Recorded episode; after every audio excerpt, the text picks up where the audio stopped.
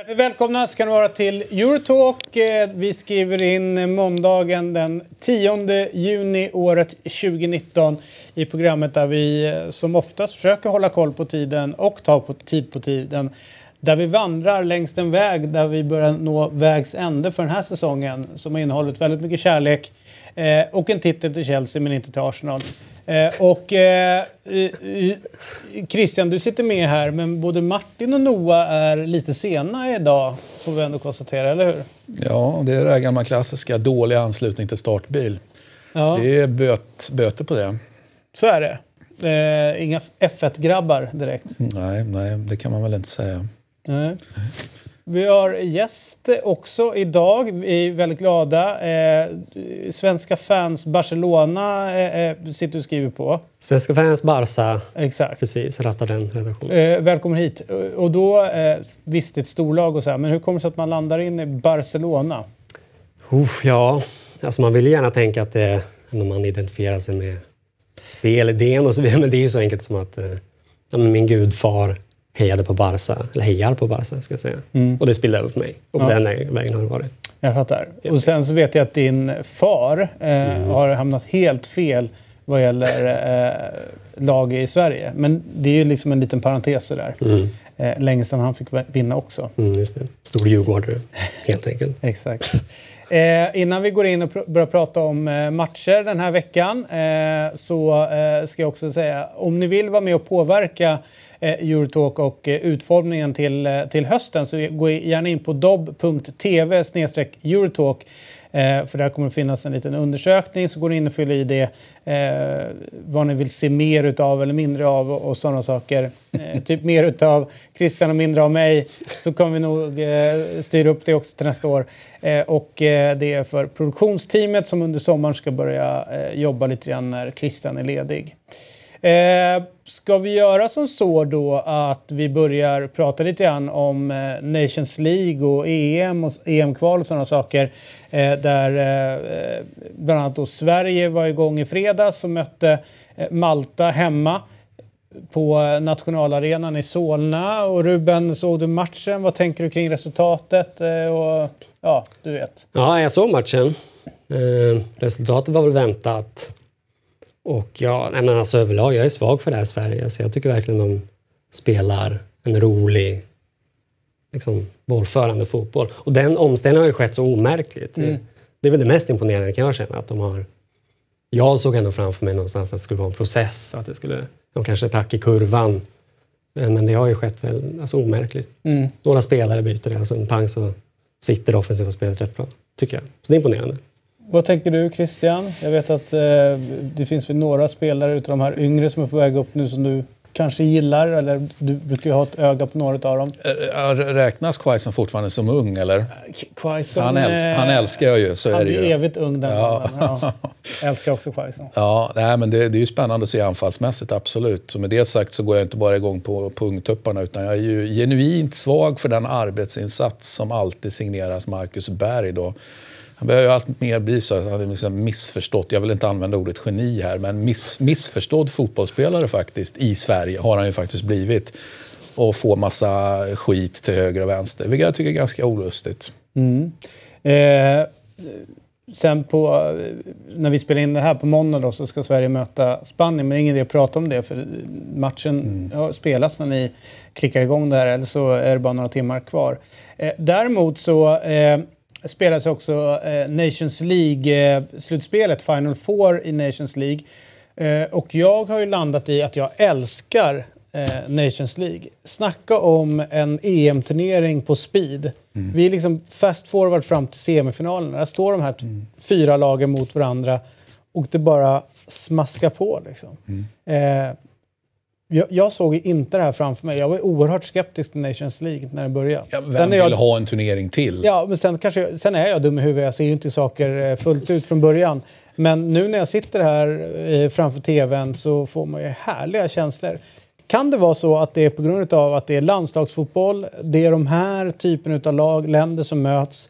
den här årstiden. Att man liksom förknippar landslag, sommar, liksom att det associationsvärdet blir mycket högre för att det är... Eh, ja, men det, det skulle kunna varit VM eller EM för det spelas på sommaren. Liksom. Mm. Ja, intressant att du, tar, att du tar kalendern till hjälp där faktiskt. Eh, jag har inget bra svar på det men jag håller med om det är fascinerande nu. Nu är det ju en unison vågen för Nations League. Va? Det, så lät ju inte, det lät ju inte det. Förmodligen var väl Martin, eh, det känns som att han är positiv till, till alla turneringar. Eh, men, men bortsett från Martin känns det som att vi, de flesta av oss var ganska, ja, men vi, vi orkar inte en turnering till eller vi vill inte ha den. Den ställer till problem. Den ställer till problem för för landslagen och för klubblagen och den liksom bara är i vägen. Och nu känns det ju som du säger att fan, den sitter, om inte som en smäck, så ganska nära. Mm. Och eh, Det som är coolt med Nations League det är ju ändå att det, det, det pågår under relativt lång tid. Det började liksom som förra som innan det. En in i höst. Ja, precis. Men när börjar det egentligen? Ja, det, Bra när fråga. kvalet började, alltså, det blev ju... Ja, men det var ju efter... Eh, det var förra sommaren alltså? Ja, förra hösten. Alltså så. så gick ja, hösten det ju, så. är med på att vi... Eh, Nations League-spelet som, som drog igång. Och på något sätt så blir det någon form av... Eh, man, man, känner av hur fotbolls-Europa mår och vilka landslag egentligen som mår bra. Och då satt jag hemma och funderade lite grann på de här fyra eh, som är vidare då. Schweiz mm. som har sin gyllene generation framme, får man ändå säga. Eh, och, och, och, har ju fått en, liksom ett lyft och, och, så det är inte konstigt att de går bra. Eh, England har man ju pratat om ganska länge, att de är på väg, att det börjar hända grejer. Eh, efter år av duktiga tränare som har kommit in i landet, de har ändrat träningssättet liksom, att träna på grund av de influenserna. Med pengarna som kommer in också och bättre spelare så har liksom, de höjts. Och nu börjar de få fram väldigt mycket duktiga unga spelare. De är framme i en både semifinal i, i VM och, och i final Eh, eller långt fram då i Final Four här. Sen har vi eh, Nederländerna eller Holland med en Ajax-skola eh, liksom, som har liksom lyfts upp och många unga duktiga spelare också hela vägen framme. Men sen är ju Portugal som man ändå imponeras utav som alltså vinner EM 2016, går hela vägen eh, här i Nations League. Eh, det är sällan man pratar om Portugal som ett av världens bästa landslag. Eh, Vilket ju är väldigt synd och väldigt man ändå, fel. Ja, bör man väl göra. Och om man ser sen 2004 och framåt så har de ju på något sätt varit relativt konstanta. Men jag vill se det ännu längre än så. För mig, alltså jag tänker på, på EM eh, på dina öar där 96. Liksom. Eh, för mig börjar de då någonstans och, och har varit konstanta sen dess. Så att, jag menar, det finns ju väl inget landslag som har varit eh, så konstanta egentligen sen, alltså under så lång period. Om vi tar från 96, då är vi ju över 20 år nu där man bara får, man, man skiftar ut och skiftar in och fortsätter att prestera. De, de klarar ju bevisligen av generationsskiftena. Mm. Eh, det är ju inte alla landslag som gör det. Okay. Nej, och sen så nu uh, unga duktiga spelare på väg fram som, man, mm. uh, som det känns som man kan ösa utav. Ja, alltså Ruben Diaz Eh, pratade vi om lite mm. innan sändningen. Fin mittback. Fin mitt, ja. mitt namn. Ja, exakt. Eh, precis. Eh, nej, men, och de har ju, med tanke på hur litet landet ändå är så har de ju förvånansvärt många stora stjärnor de lyckats mm. fram. Mm. Alltså över tid. Ja. Hur Svig och hur Kost. Alltså det är ju liksom och hela tiden har de ju någon som är framme som anses vara en, topp. en i toppen. Ja, och det jag känner lite grann är ju att vi kanske hade pratat om dem lite mer. För jag tror fortfarande att det finns någonstans någon slags ovilja mot Cristiano Ronaldo. Där man som neutral betraktare, om jag bara går till mig själv, han är inte riktigt skön helt enkelt. Jag tror att det hjälper till att de inte får, eh, eller har fått sista, eh, sista tiden då, den, den credden som de borde ha. Mm. Med det sagt, vet du vad jag gick förbi för bil på väg till eh, inspelningen idag? Figo Städ AB. Den är fin. Mm. Jag blev på väldigt gott humör kan jag säga. Ja, det kan ju vara Louise eh, företag med tanke på att han är gift med en svenska. Ja, precis. Han har diversifierat verksamheten. Exakt. Mm. Vilket är ganska bra att göra i, ja, i oroliga tider. Mm. Eh, Men alltså, bara, är det inte en, nack, alltså en svaghet med Nations League, som landet ligger i alla fall, att det men det kan inte ske några liksom större skräller i och med att det är, men det är skiktat på det sättet som det är. Ja, men jag, nu, ja, men jag tänker att det är det som är lite härligt. Att du får ju dels under resans gång fram till den här Final Four så har mm. du ju mm. A-gruppen där du får rätt mycket mysiga möten där liksom stora lag ställs mm. mot varandra eh, och liksom gör upp Eh, vi såg liksom Tyskland som var tvungna att omgruppera än en gång under resans gång, liksom under Nations League för att sen, tror jag, någonstans nu ha hittat rätt. Eh, men det är ju också, då åker några ur A-gruppen, Mm, någon kommer upp. sikt kommer det Jag tror liksom att något, eh, man säger mer obskyrt fotbollsland eh, likt Schweiz kommer, vara, kommer dyka upp när de får sin, Mm. eh, när de får sin generation som, som presterar. Så att jag tycker det är lite häftigt om man kan liksom föl, följa det under eh, längre, längre det. Men eh, jag, jag satt och funderade och lekte på tanken, för Martin har ju mycket tankar. Han brukar alltid säga, han brukar ju på något sätt säga att VM är ingen bra turnering. Det är liksom kvaliteten på det och så vidare. Eh, Medan jag kan eh, tycka att det är en jävligt härlig turnering. Så. Eh, Ja, men å ena sidan tycker han att det inte är någon bra kvalitet på den. Ändå vill han ju utöka den så mycket det bara går. Ja, till så hu- hur man till- får ihop det, det kan man ju fundera på. till 100 000 lag. Men eh, då satt jag och tänkte så här. Vilket landslag är bättre än sin eh, inhemska ligas eh, regerande mästare? Satt jag och funderade på igår. Eh, och då, eh, om man då tar utgångspunkt för Holland så tänker jag att de blir ju ett bättre landslag än vad Ajax är. När de då får in van Dijk till exempel som eh, bredvid eh, eh, de Ligt i, i mitt, världens bästa mittbackspar kan man argumentera för. Mm. Ja, han gör ju ungefär- vilket lag som helst bättre för Ja, Dijk. Och det. målvakterna kan man säga Sillisen och... och ehm, Och så en skön Deron också, liksom. som någon slags symbolik över Atalantas fantastiska säsong. Exakt. Tycker jag. Ja, tycker det så är här, kul. små, småskön spelare. Eh, Tycker ni inte ändå att offensiven är lite vassare i Ajax än i holländska landslaget? Det kanske är att det är gårdagens ma- match som är Kanske, på men jag tycker liksom... men jag tycker väl alltså, Ja, Tadic, Neres, de ändå... Jag vet, och, men det är bara, jag bollar upp det nu eh, så att ni får tänka. Mm. nej, Ja, men- ja, visst, det kan jag hålla med men Memphis eh, och sett vad han presterar. Mm. eh, Hade man valt Memphis eller Tadic om man fick chansen att ha ett, Tadic. eh, la- Ja, eller hur? Det säger man nu. Ja. Men när han var i Southampton så hade du kanske inte valt honom. Kanske inte.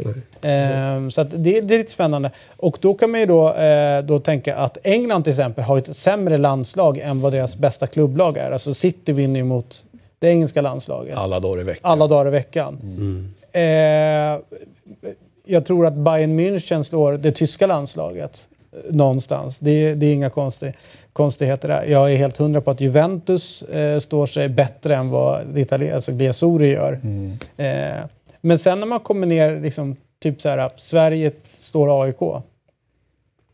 Nästan hundra på. Ja, det är väl ett rimligt antagande. Ja, Det är, även fast det är touch and go på den. Eh, Ja, Den touch and go står du på, men, Ja. eller står du för. Va? Men, men, ja, men det håller jag med om. Så frågan är var gränsen går då. När Ja. det börjar... eh, Ja, och jag, någonstans så är det ju de ligorna vi fokar på väldigt mycket i Eurotalk. Eh, inte lika mycket, jag vet att det sitter folk där hemma och, och har synpunkter på hur mycket tid vi lägger på det. Så kan vi konstatera att där pengarna flytit in extremt mycket, där blir då liksom klubblaget. Men ganska, liksom, när man kommer, man måste väl kanske ner på någon form av åttonde liga, sjunde liga i Europa, där det börjar vända på det. Eller vad säger ni? Mm, nej, men jag, jag, jag känner att det är en korrekt iakttagelse. Jag, det har, Mm. vad, vad, vad, vem är åttonde liga då? Bara för Nej, att- men jag vet inte. Alltså, alltså, vi kan konstatera att eh, Italien, Eng England, Frankrike, Spanien, Tyskland. Där är det givet att... Och så har du Mesta- Portugal där någonstans också såklart. Ja, och Port nej, men jag hävdar ju att Portugals landslag är, bättre, bättre än än- eh, ja. deras bästa. Det är väl kanske de- där helt enkelt. Det är kanske är där gränsen går då. Vad är, vad är Portugal som liga då? Är den nummer sex då? Eller vad, Nej, jag, vad tror inte det, jag vet inte vad den är exakt så. Ja, nej, men jag, bevisligen, vi måste så långt ner. För att, om det nu är långt ner kan man ju alltid diskutera. Men vi måste ju dit ner för att, för att kunna hitta där, där det bryts helt enkelt. Ja, nej, det är så att jävla mysig turnering den här Nations League. Och jag gillar ändå att, att sändande bolag i det här fallet då eh, i Sverige, eh, Seymour, eh, ändå eh, kostar på sig att skicka ner folk på plats. Att de gör en grej utav det. Inte bara sitter och gör någon fuling. Eh, Välkommen till Porto och sen så eh, sitter de på Gärdet och kör off-tube. Utan de är där nere och det ger ju liksom någon form av mervärde runt det Ja, hela. man vill ju gärna ha, det finns ju en viss autenticitet där så man slipper sån här, den positionen ja, där vi sitter. Ja, ja, exakt. Eh, men den... Det var ett citat, du hörde det va? Ja, men den positionen vi sitter... Det, det, Därifrån, därifrån där vi sitter. Ja. Jag säger inte vem det är som brukar säga det, men jag har hört det några gånger nu. Jag eh, har ju lagt ner kommentering eh, och det var för ett år sedan jag höll på med det. Men eh, jag tror att Martin Åslund kan väl... Ja, han gör det mycket. Han ja. kör den. Därifrån vi sitter. Ja, precis. Det är rätt många som försöker köra in den, eh, kan man ändå säga. Ska vi göra så att vi, eh, vi eh, håller tummarna för att Sverige fixar det här mot, åtminstone poäng mot Spanien? Eh, och sen så eh, rullar vi vidare så att vi hinner med mer utav Spanien den här veckan nu när vi ändå har Ruben här. Eh, och Martin är på ingång nu. Mm. Eh, att, ehm, Det ser vi härifrån där vi det sitter. ser vi härifrån. Så vi gör så. Vi tar oss till eh, Champions League eh, samtidigt som vi säger hej till Martin Åslund.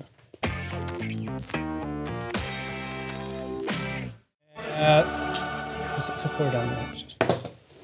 Där Martin Åslund, härligt att ha det här lagom tills vi kommer till, kommer till den riktiga och tunga fotbollen. Eh, alltså eh, Champions League-bollen. Eh, och eh, vi har som hastigast bara konstaterat att Nations League är fint eh, och att det är en EM-turnering på speed. Jag missade ingenting alltså. Nej, det Jag absolut. gillar Nations League. Ja, det, det har vi sagt att du gör. Ja, bra. Eh, och, Vad, Anna, vad mer har ni sagt att jag gillar så jag vet vad jag ska förhålla mig till? nej, alltså, Därifrån du sitter. Därifrån du sitter har, vi, har du konstaterat att eh, du gillar allt som vi har sagt hittills. Eh, vi hade en spännande omröstning förra veckan där jag och, och Martin är ju, får man säga, lite vassare på att hitta de spelarna som är it-spelarna. Eh, Ronaldinho till exempel mot eh, Gento! Gento. Det blev som vi tänkte Martin, eller trodde, att det skulle bli en ganska enkel seger för Ronaldinho här. Ja, Det hade varit underligt annars. Det hade varit väldigt märkligt faktiskt. Så vi tar och... Eh, Stilpoäng till trots. Ja. Så. Ja. Ja, Jag hade ju stormat ut i och med att jag är ett Barca. Ja, exakt. Eh, du kan, ju- visst är det så att hans höjd eh, under eh, typ runt 06 där, va? eller kan det ha varit innan? Ja, nej men extremt hög. Ja. Sen är- tillhör jag inte en av de som tycker att det var att hans högsta nivå var högre än Messis någonsin varit. Sen att Messi har haft en längre brintid är väl alla överens om. Men, Mm. Det är men egentligen rätt, ungefär lika höga kanske. egentligen rätt spännande diskussion det där. Att, att eh, högsta nivån, vilken var högst? Då? Mm. Ja, nej, men det- skulle det är kunna något jag tänka tänker mig, på. Ja, men alltså att han inte var, var lika jämn som Messi, det är väl ganska uppenbart. Men Mm. vet inte fan om inte jag skulle kunna tänka mig att argumentera för en högsta nivå som var, som var ännu bättre än Mm. Alltså, Messi. du är långt ifrån faktiskt. ensam. Det är väldigt många som... Jag är Ja, ju på din linje också Christian. Jag Och- tycker ändå att Messi eh, någonstans har varit där och nosat också. Ja. Sen också, jag tror att känslan...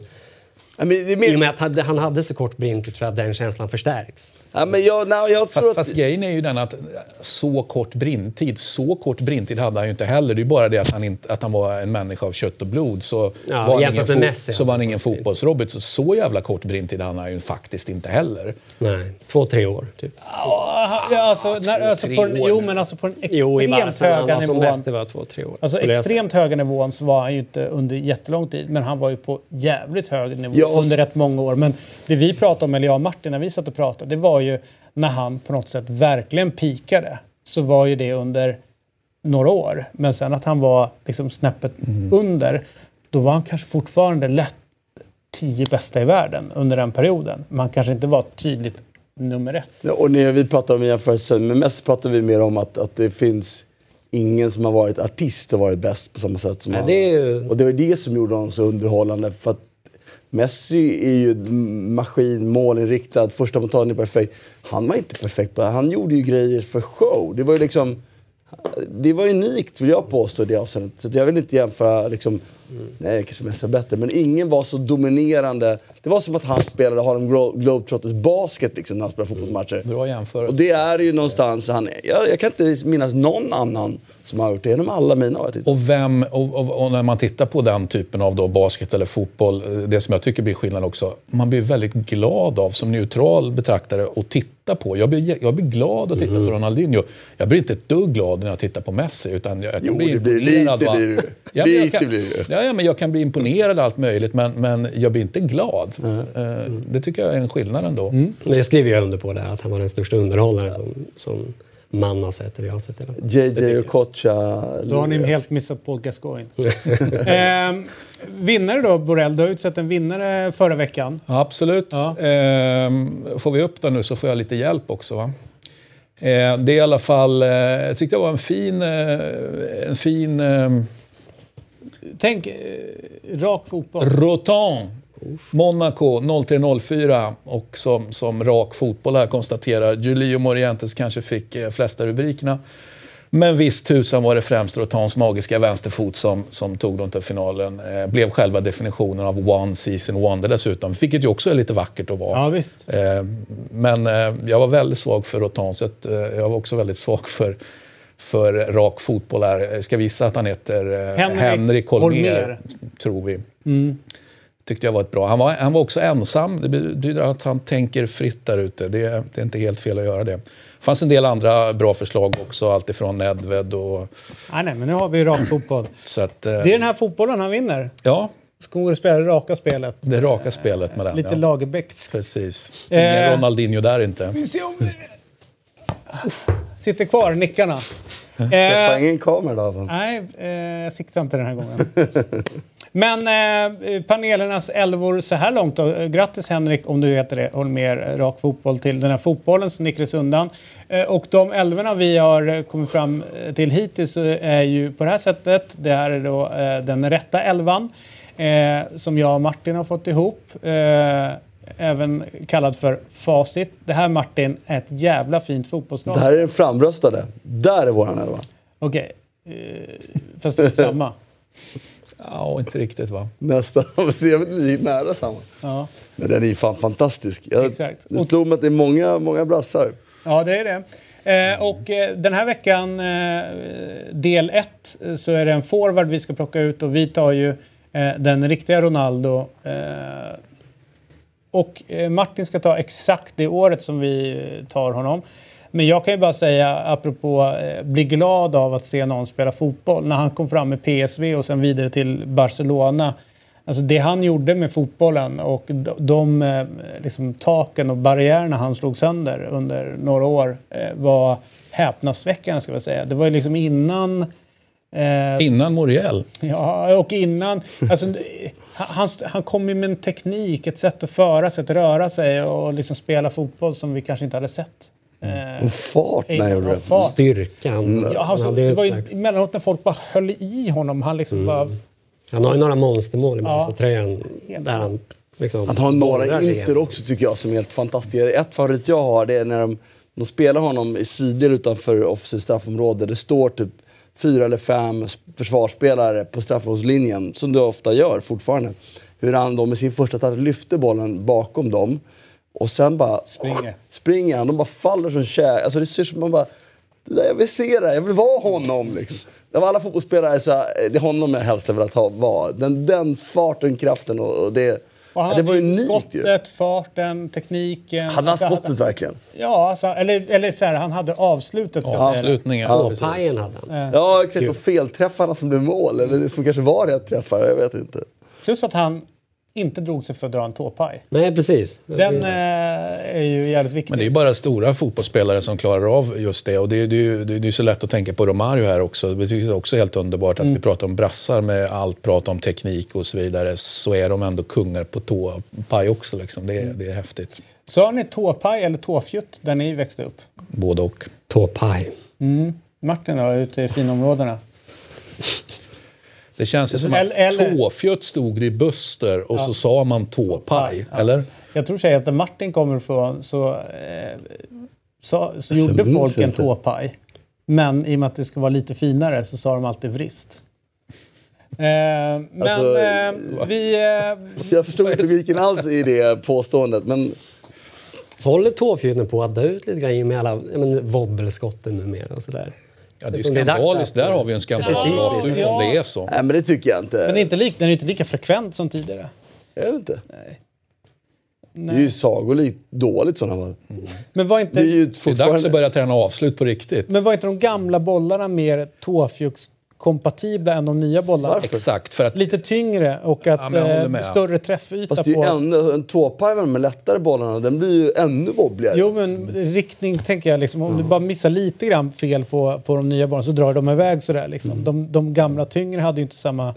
Och då står man som en idiot där med två Exakt. och eh, aha, du kan inte ens skjuta vrist. Exakt. Du träffar hörnflaggan i det här läget. Det, det funkar inte. Gamla, tunga...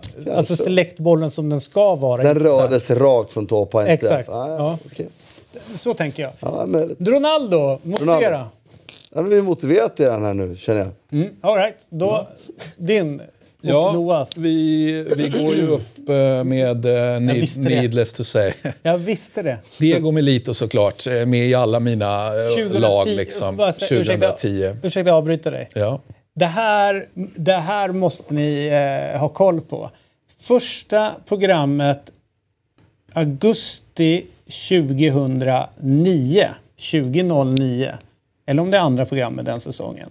Då säger Christian, Diego Melito kommer eh, vara helt avgörande den här säsongen.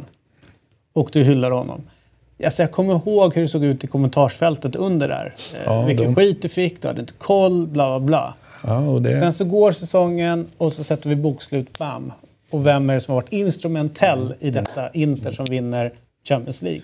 Jag, tror, jag tror diskussionen var där, vem kommer att vara världens bästa spelare under det, den säsongen? Jag tror att det var så du, eller om det var, ja men det var någon utmärkelse Ja, som diskuterades också.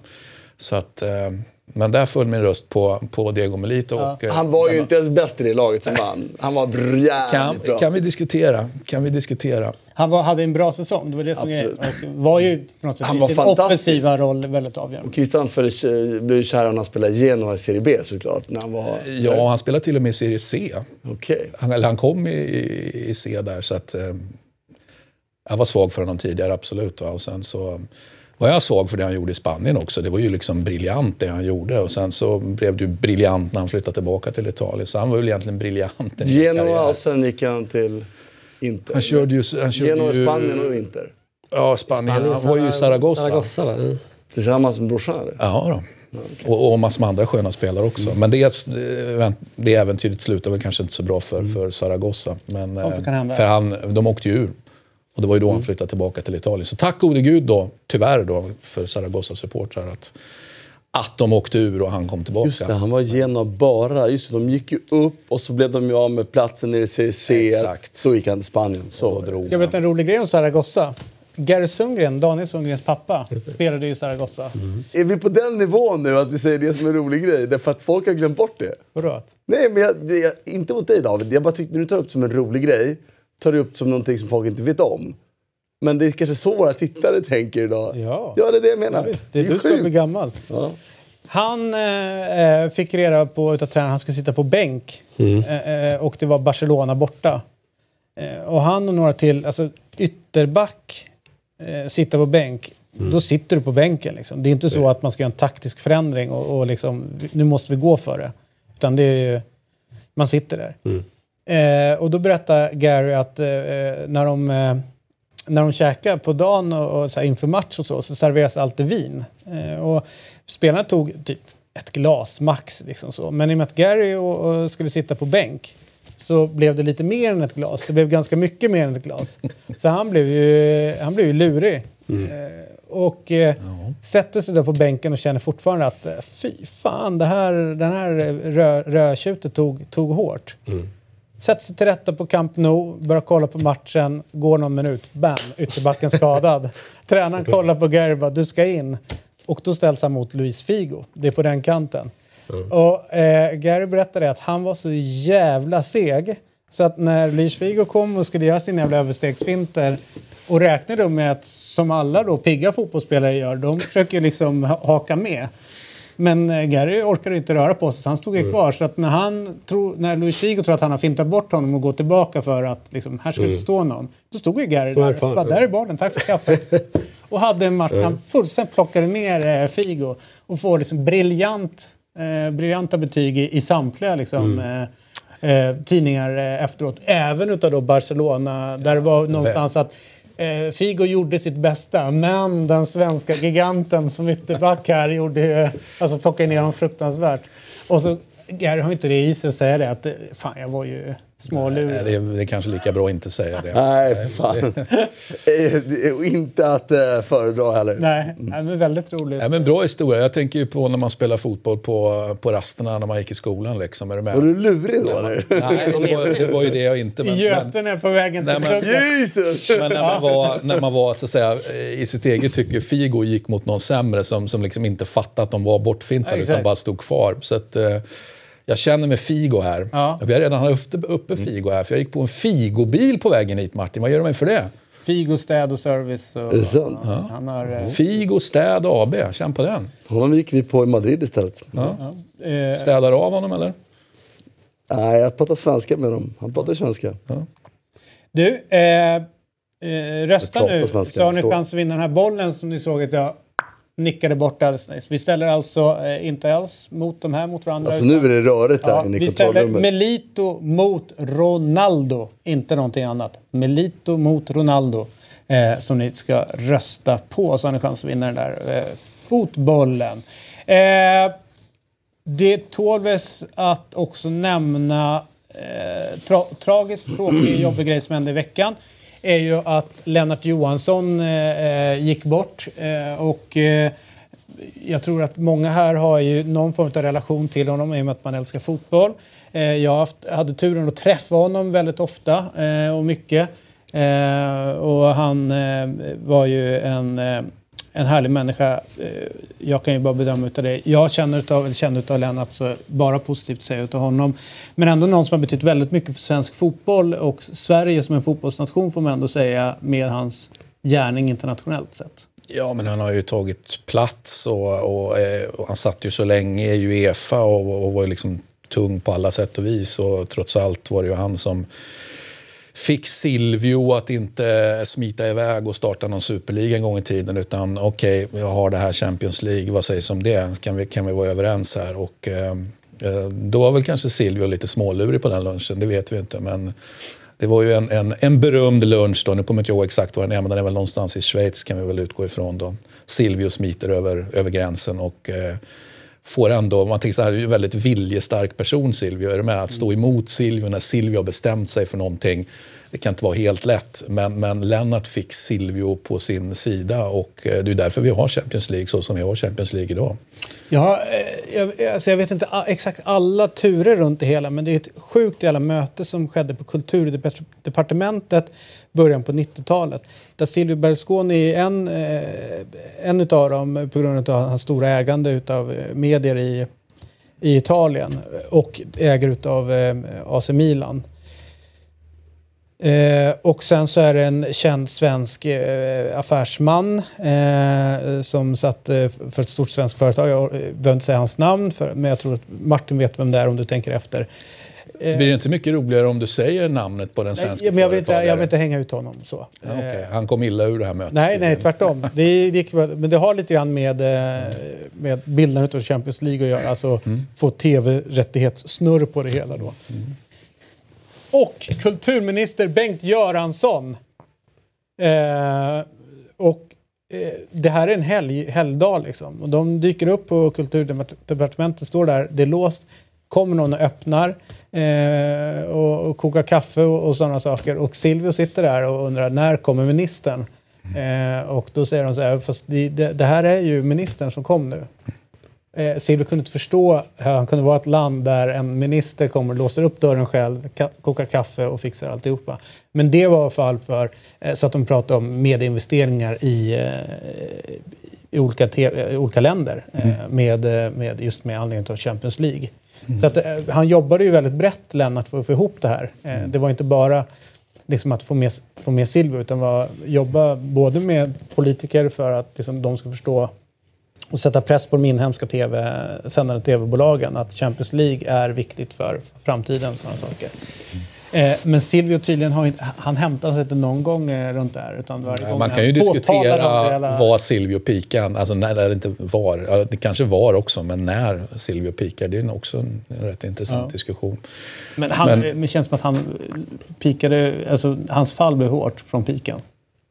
Eller? Ja, eller så föll han mjukt. Jag Jag tyckte han föll jävligt mjukt Ja. alltså. Fick ut bra betalt av Milan och... Jag tänkte bara mer legacyt som han lämnar efter sig. Eh, från, eh, Alltså, från han har att, kommit lindrigt undan, det är min bild. Alltså. Ja, men det, men alltså, ja, både ja och nej. Alltså, från den som var början på 90-talet, man pratade med, liksom, med Sacchi och holländarna och alltihopa. Hur han var där så var han ju en... Ja, jag han skapar ju någonstans en, en modern, om vi nu ska gå från Lennart Johansson till Silvio, så, så skapar han en, en modern fotboll. Det, jag kan inte se det på något annat sätt än att han gör det. Helt det här liksom business men ändå väldigt stor, jobbar väldigt mycket med en stor familj och så vidare. Det var så han fick sin business att fungera, inte bara i fotbollen utan även i, i mediasammanhang helt enkelt. Han jobbar ju med exakt samma, i princip exakt samma människor under hela Alltså de gjorde ju inte bara 10 år ihop, 20 år ihop, utan det var ju liksom typ 30-40 de jobbade ihop, hela, hela gänget. Ja, men det är ju inte för inte som man, som man kör Monza med, med Galliani nu. Det, det är ju liksom Lex Silvio någonstans. Så att eh, jag tycker... I hear you att han, att, att han har gjort grejer som inte var helt optimalt, kanske politiskt och kanske som privatperson. Men, men... Jag tänker också som klubbägare framför allt. Ja, han satt ju eventuellt lite för länge. Liksom. Men det är återigen att bli av med, eller att sälja klubbar, är, det är väl kanske det svåraste man kan göra faktiskt. Nej, det är tydligen ledat med 2-0. Eh, bara, om Lennart Johansson också, men han var på lite mer småskalig nivå så var han också hedersordförande i Åkeshovs IF, där ja. klubben där jag spelar, mm. Eh, av en händelse. Och han, när klubben återuppstod 2010, tror jag, efter att ha legat ner ganska länge, så skickade han på eget bevåg, så vitt jag förstår, ett ganska långt, liksom utförligt brev till oss, eller till klubben, då, där han dels liksom önskade oss lycka till och, sådär, och dels beskrev sin barndom i Åkeshov och, och sådär. Mm det, det säger någonting om vilken typ av person han var. Ja, kan jag tycka. Sen är det... Var har ni klubbhus då i? Är det slottet där eller? Ja, vi har inte ens klubbhus på den nivån. Alltså. Men, eh, men, eh, men han växte upp där så, och sådär. Han skrev bland annat att, han, att de, när han spelade i klubben, att de för att få ekonomin att gå runt så arrangerade de Lucia-tåg lokalt. Skrev att han var en gång sådär. Han var stjärngosse? Oklart. Men, ja. Eh, man kan alltså dega på Lucia-tåg. Mm. Ja, visst. Det, alltså, ju, det låter ju spännande. Väst, väst, Hittar du en affärsidé nu eller? Ja, jag, vet, jag, jag, visste inte att det var deg i Lucia-tåg. Det, det... Jag skulle dega för sig på Lucia, Lucia-tåg i alla fall. Han hade ju eh, ett motto eller, som jag tyckte var, var lite roligt var ju när han eh, såg sina, sitt lag som han höll på att spela. Då sa han att eh, egentligen så spelar det inte så stor roll om de vinner eller förlorar så länge mm. deras tröjor är svettiga när de kliver av planen. Mm. Så det var ju... Eh, en gång såg jag honom eh, kliva ner till ett omklädningsrum. Det var när han var hemma då som Uefa-ordförande satt och kollade på AIK och var så mm. fruktansvärt bitter i, i paus för att de inte kämpade. Då gick han bara ner och sa det att... Kände han på tröjorna då? Eller var... ja, han bara gick ner och sa ja. i AIK jobbar vi. Mm. Det, det var det. Spännande. Det där med, det där med att gå ner i omklädningsrum nu. nu, nu eh, Lennart är ju, är ju Martin-kopplad där, det har vi pratat om tidigare. Det finns ju andra presidenter som också är Martin-kopplade. Som också som eh, i helgen nu gick ner i halvtid och pratade sitt lag till rätta. Det var ju precis det Lotito gjorde med Salernitana. Det gick bra. Pang, bom, rakt ner i omklädningsrummet. Och det gick bra i andra halvlek. om man nu ska och, hålla fast vid det då. Eh, Silvio gjorde ju det också med eh, Ancelotti när han klev ner och sa i Milan spelar vi med två forwards. Mm, eh, mm. säger han i, i paus och så kommer in och måste ändra det. Skitsamma, vi tar oss vidare. Eh, vi rappar på eh, och vi tar oss som hastigast till England först.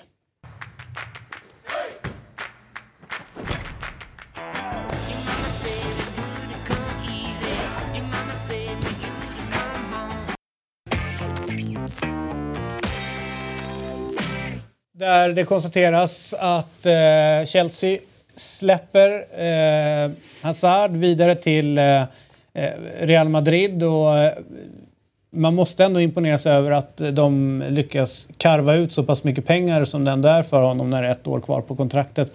Om inte jag har helt fel så kan det vara den åttonde dyraste spelövergången eh, genom tiderna eh, mm. på, på, på Hazard.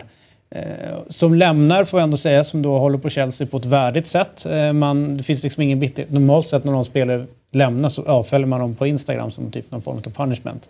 Men han, han får liksom vara kvar. Han får ditt följe Ja, fortsatt. exakt. Är det sant alltså? Vadå? Jag tycker det är bedrövligt att du inte avföljer direkt. Alltså, jag kan tycka att du inte ska följa honom från början. Men om du nu ändå gillar honom och, och följer honom, att du inte avföljer i det här läget då. Så mycket skit han har hållit på med. Nej, nej, men det är så enkelt är det. Eh, Cesc eh, avföljde sig med samma, eh, samma ögonblick som han satt på Jo, planet men det i är Monaco. ju våran spelare. Så att, Ja, jo, jo, så är det ju. Du, eh, Giroud då? Är han påföljd ens? Djur, nej, skojar du med mig? Fy fan. och ändå var det han som vann finalen åt er. Nej, Det gjorde han inte. Han gjorde ett mål. Eh, Ja, ganska viktigt mål skulle jag säga. Mm, det, han, vände matchen. han är smuts. Vände matchen. Grattis. Han är eran. Eh, tänk, tankar kring er eh, här. Eh, Hazard till Chelsea. Eh, hur stor förlust är det här för Premier League om man säger som, som just eh, om man säger ligans status på något sätt? Alltså, inte, alltså, I och med de resurser som finns i England så kommer det ju fyllas på med nya stjärnor, höll jag på att säga. Men det är klart att, alltså, i min värld är han en av världens bästa spelare, så det är klart att det är en förlust för Chelsea och ligan. Men jag kan inte se att det, att det kommer att göra särskilt mycket med alltså, varumärket Premier League. Eh, det har jag svårt att se. Vad tänker du kring eh, Premier League tror jag väl ändå vill att de här Nej, stora alltså- spelarna vill till dem istället för att de ska Ja, därifrån. men det är väl, nej, ja, jo så är det ju. Alltså, det är bara ett ytterligare tecken i alla fall på att, att eh, även om Premier League faktiskt var den bästa ligan i år och kanske nu på väg att ta över Spaniens eh, dominans, det är sitt första steg mot det i alla fall, så är fortfarande de här spanska klubbarna eh, mer man vill spela den fotboll de spelar, man vill spela i de klubbarna med den stora. Och det, och det är ju det är väl klart att det hade varit roligare för Premier League om de, fort, om de kunde konkurrera med det. Det kan de inte ännu. Men tittar du på förlust Hazards betydelse för Premier League så tycker jag att den, här typ, den är nästan obetydlig. Eh, så det spelar ingen roll? Ingen följer ju Premier League för att Hazard spelar där. Så stor stjärna är han inte i Premier League. Eh, jag menar om Messi skulle försvinna från Barcelona skulle det vara en mycket större förlust. Eh, I alla vis. Och Ronaldo flytt från Real var en mycket större förlust tycker jag än vad, vad Hazard är. Hazard är totalt en fantastiskt jävla bra fotbollsspelare. Men det jag tycker aldrig han riktigt, riktigt har liksom, Han har aldrig ägt Premier League på samma sätt under så lång tid. Liksom. Jag, tycker, jag tycker att det är den bästa spelaren i Premier League. Men, men det, det är inte samma sak som man har den ryktbarheten eh, och varumärkesstyrkan som, som de andra har. Vem är den största stjärnan skulle ni säga i Premier League just? I år måste väl ändå sägas vara eh, tränarna. Eh, Guardiola och Klopp tycker jag nästan är de stora stjärnorna. Liksom. Bra svar. Jag håller med. Jag tycker tränarna är, är, är tunga här, helt klart. Alltså Salah håller väl på att växa ut till en jättestor stjärna. Ja, har ett globalt Ja. liksom, reach. Han har ju också en reach på, ett bra, på en bra del av världen som verkligen behövs. Där han är liksom eh, första. Det, det betyder mycket tror jag. Sen är ju van Dijk onekligen en, den här med sin aura var liksom. Jag, vi pratade om tidigare om, det är här diskussion jag och Christian haft hamnar om. Jag tänkte på det då. Så här, vissa har en viss aura, Messi har ingen aura. Det är, en, det är, en, det är världens bästa fotbollsutförare. Ronaldinho var världens bästa artist.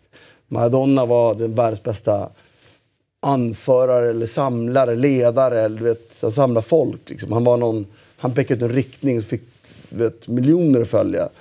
Eh, och, och det sättet har ju, är ju van Dijk lite då tycker jag, om du ska välja en sån spelare. Men jag, tycker, tror inte att det är en stor, eh, stor förlust för Premier League. Däremot är det intressant att se vad, vad Chelsea gör. Liksom. Om de får göra något. Ja, men om de, de gör ju någonting med tränare, vad de gör. Jo, men jag tänker just med värva spelare så får de... Ja, men det är också att, inte, att göra någonting. Liksom. De ska ju ersätta honom på något sätt och ersätta spelfilosofin. För så här, Sarris fotboll är också lite lidande av att ha Sar- Hazard där. Sarri vill ju spela en mycket mer kombinationsrik fotboll. Det går ju inte med Hazard, för Sarri spelar ju sin fotboll. Och det vore ju dumt om Sarri försökte bara, nej men du kan inte spela din fotboll, du ska spela min fotboll. Men det är klart att det har blivit lidande lite i Sarris sätt att spela. Så skulle Sarri vara kvar så det är klart att de aldrig kommer li- det, det ställs också andra krav. för Han har ju räddat dem så otroligt många gånger. Jag, inbillar mig att spelet skulle flyta bättre för Sarri utan Hazard. Men jämför Hazard med så mycket boll som han har och Insigne har den. För Insigne sätter alla andra spel. Hazard spelar ju sin fotboll liksom på de kvadratmeter där han är. Liksom. Så att det, men det blir intressant att följa. Nu tror inte jag Sarri är kvar ändå. Är det klart snart? Eller? Han kommer lämna. Mm. Är det klart? Nej, inte än. Officiellt? Officiellt är det inte klart. Nej, det är klart är det ju. S- Det, det vet man inte förrän... eh, Nej, okej. Jag tänkte att du hade Chelsea-koll. Ja, nej, nej. ja, nej. Men eh, det, så mycket jag kan om Chelsea, så när det är så här mycket snack om att någon ska bort, eh, så, så är den redan borta. Eh, så. Eh, Rimligt. Ja, så är det. Eh, det händer ju jämte grejer runt England också, men det har ni säkert koll på. Vi eh, ramlar vidare till eh, den italienska fotbollen. Där, eh, på något sätt, vi brukar gilla när eh, cirklar sluts. Det, det finns något vackert i det. Och eh, när, när det dök upp här nu för någon dag sedan att Buffon ändå är och fingrar lite grann på Parma. Så, Så är det ju vackert. så är det vackert Sen någonstans. sen om Men det- jag vet inte om det är det kloka. Jag tänkte säga om det är någonting att rekommendera. Det, det är det väl. Alltså, alltså den eh, hype och, och alltså rent PR-mässigt hade det varit helt fantastiskt både för Buffon och Parma. Va? Men jag tänker, de kommer ändå ifrån en säsong där de har, har då spelat in eh, Sepe som har varit riktigt bra faktiskt i, i, i målet. Liksom. Och jag är, jag är inte så övertygad om att, att jag menar, Buffon nästa säsong, vem vet hur det ser ut. Det vore väldigt vackert, men inte att rekommendera någonstans. Eller, ja, ekonomiskt att rekommendera, ja. Det blir ju mycket... Folk kommer ju åka dit och titta, bara en sån sak. Och folk kommer vilja titta på det på tv runt om hela världen. Absolut. Men eh, en riktigt bra sportchef och klubbledning tycker jag inte riktigt går på den lätta. Eh, nej, så är det. Jag tycker det var lite härligt. Eh, Ja men härligt är det ju, jag håller med. Det, är- det, det, det är ju fint på alla möjliga sätt och vis. Liksom. Men jag får en sån där känsla om han går in och gör den där. Jag tänker på de här andra som, som då ska avsluta på hemmaplan. Eh, ah, säg att han går dit och så kanske han eh, liksom håller en halv säsong liksom, och sen, sen när det rinner ut i sanden. Jag får en sån känsla på den. Det ryktades då- om Barca lite Ja, exakt. Hade det varit bättre... Alltså Silsen kommer ju lämna och han ska ju spela första... Alltså, Alltså, han, det han måste ju börja spela fotboll ordentligt. Han är alldeles för bra för att Ja. sitta på den micken. Eh, och, och Buffon hade ju på något sätt varit en perfekt backup någonstans. Eh, Ja, alltså perfekt och perfekt. Han, ja, men- I omklädningsrummet hade han ju behövt, ska Och jag tänka mig. med- Och en som kan gilla att sitta på en bänk men man vet att när han kommer in så finns Ja. en kvalitet där. Liksom. Sen har han väl kanske inte spelat med fötterna och det, det är någon kupp som ska spelas och vinnas förhoppningsvis. Mm. Det är väl frågetecken. Men det är klart att Sillisen lämnar eller? Ja. det är mer eller mindre klart. Han är jävligt bra. Ja. Han, Han är ju alldeles bra för att inte spela. Jag satt och tänkte på det med Silsen i matchen mot ehm, Portugal. Portugal här. Att han är... Han har så oerhört mycket grejer som är bra, men det finns någonting som gör att man inte riktigt väljer att liksom lyfta upp honom till nästa nivå. Så. Och det tycker jag är Guedes eh, mål någonstans. Ja. Alltså visst, det är ett hårt skott och alltihopa, men det är...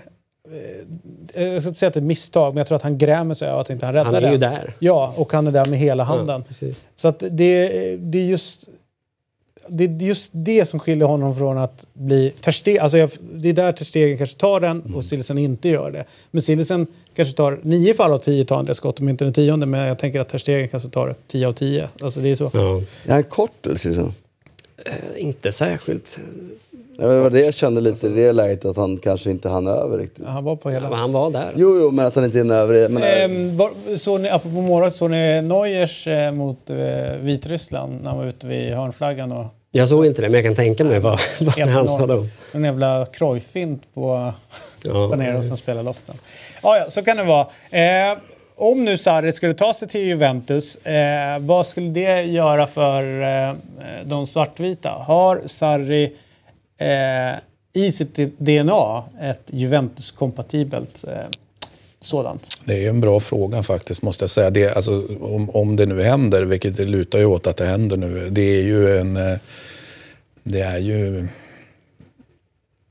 Alltså bara det att man lämnar den pragmatiska Juventusfotbollen som ändå har existerat sedan sen eh, Hedenhös så, så är ju Sarri någonting annat. Jag menar, han är ju mer offensiv än om man tittar på de här, vilka tränare nu i Juventus historia som skulle varit mest offensiva i Juventus historia så kommer ändå Sarri vara en mer offensiv tränare än det. Så att det är ju det är, liksom, det är ju en revolution på det sättet. Och, och eh, ja, det säger ju någonting om allt möjligt. Framförallt säger det någonting om att Juventus då inte tycker att det är kul längre att, att vara det här eh, tråkiga, vinnande. Sen kan man ju alltid säga att okej, de vinner inte Europa och, det, och, det, och de är så förtvivlade över det så de, de bara liksom bara måste rätta till det där på något vänster. Men de begår ju våld på, på sin egen både historia och sitt eget DNA och, och alltihopa. Men låt oss vara tydliga med att, att eh, de har ju eh, sista åren ändrat klubbmärke, de här tröjorna. Jo, jo de, är, de, är, De ju, är ju de är ju ute på en, en resa då va. Men, men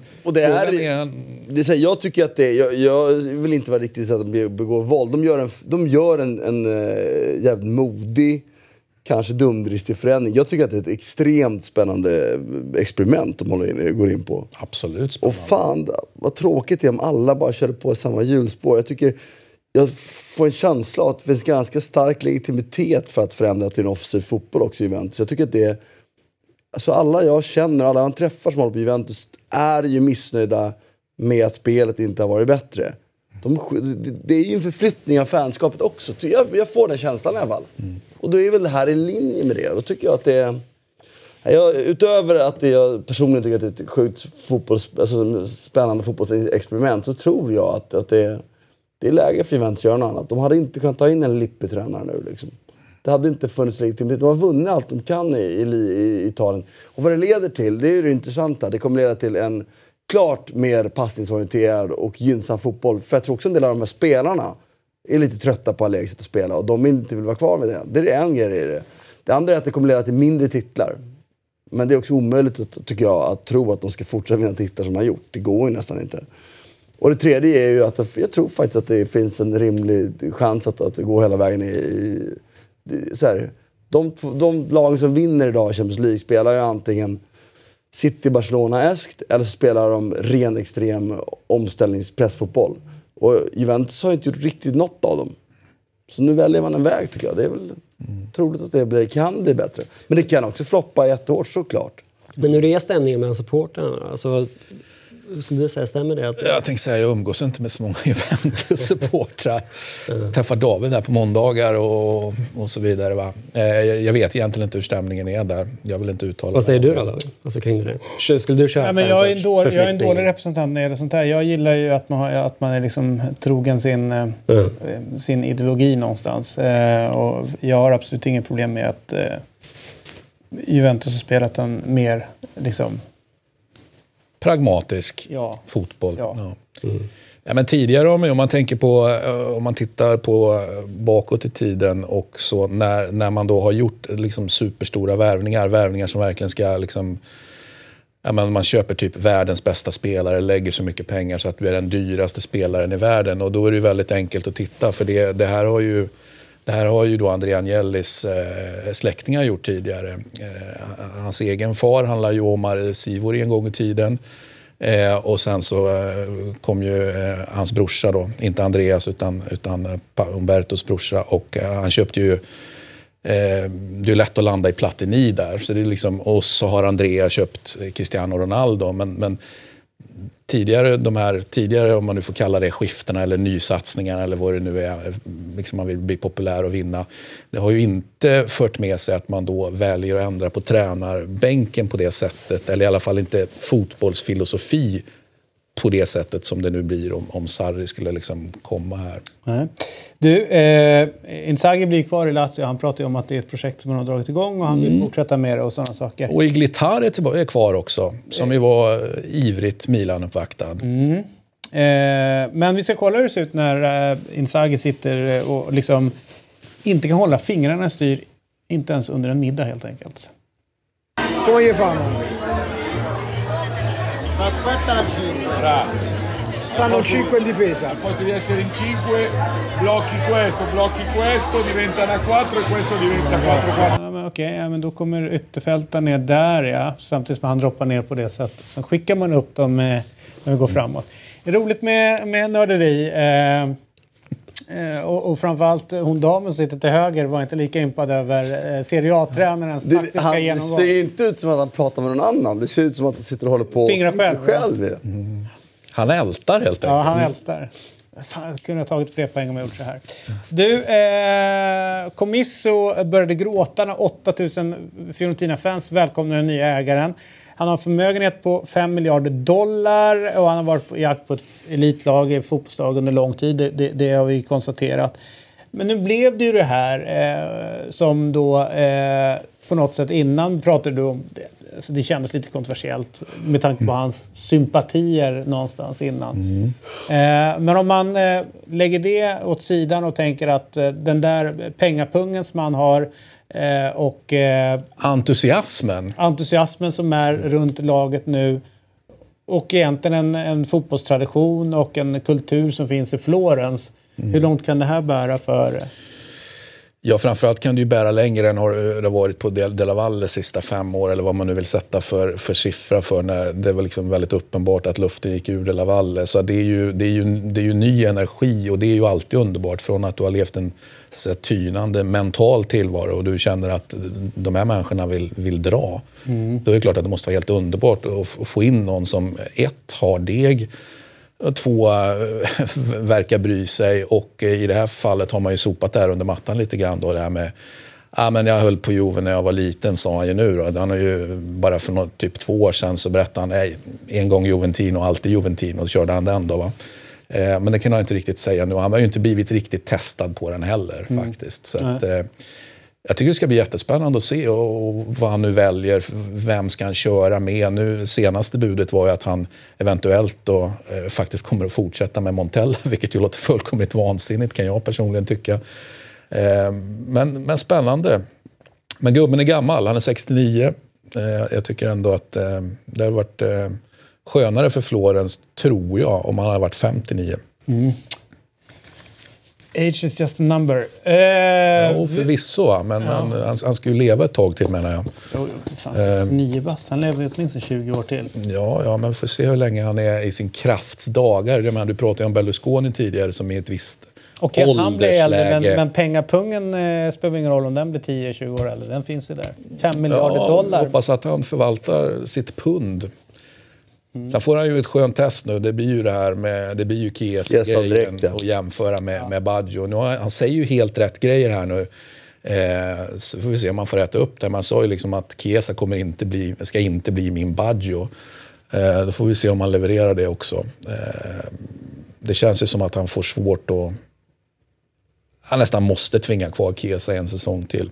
De, eh, de då yngre då så är det Roberto Baggio vi pratar om som eh, en gång spelade i, i Florens. Mm. Sen han över till, eh, tog han steget över till Juventus och det är lite känsligt. Ja, men den stora skillnaden där var ju också, det var ju när dåvarande ägarna som, som hette Pontello på den tiden, det var ju precis när de skulle sälja. Ja, det var ju slutet på deras era. Så, så det mest liksom, logiska på ett sätt hade varit att De La Valle hade hunnit sälja. Och då hade folk varit ännu mer vansinniga på dem såklart. Va? Eh, nu får ju han den, det första han får. Är det Liksom, bättre på, bara ställa ur skiten då och börja om? Liksom? Ja, det beror ju på. Jag vet, det beror ju på hur, hur jag menar, det kanske till och med finns ett, ett påkritat förhandskontrakt. eh, Så annars, är, du vet ju det där, blir det förlängt ett år, eller så är han kvar ett år, det Då kommer hänger fattas han tre- lätt menar du? Nej, ja, nej men det tror inte, sånt är inte jag så orolig för. Man måste ändå prestera för att upprätthålla sitt eget marknadsvärde, så man kan inte hänga läpp. Liksom. Så det tror inte så mycket på. Däremot tror jag att det är en, en följetong som kommer hålla på hela året. Och jag tror inte, sånt suger kraft, energi, det tar tid. Städa ur det som inte går att göra någonting och så börjar man bygga nytt. Men visst, det är ju en smäll och en risk.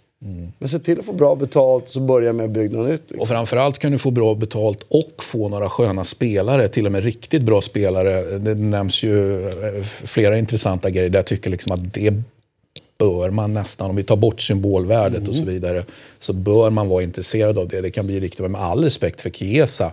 Men det är ju inte så att eh, liksom, Chiesa är, är, är världens bästa fotbollsspelare 2019, inte i min värld i alla fall. Och tycker jag, Håller honom bättre eller sämre än Bernadeschi? det är ju en, det är en väldigt intressant jämförelse. Jag vet faktiskt inte. Jag, jag, jag skulle också säga bättre.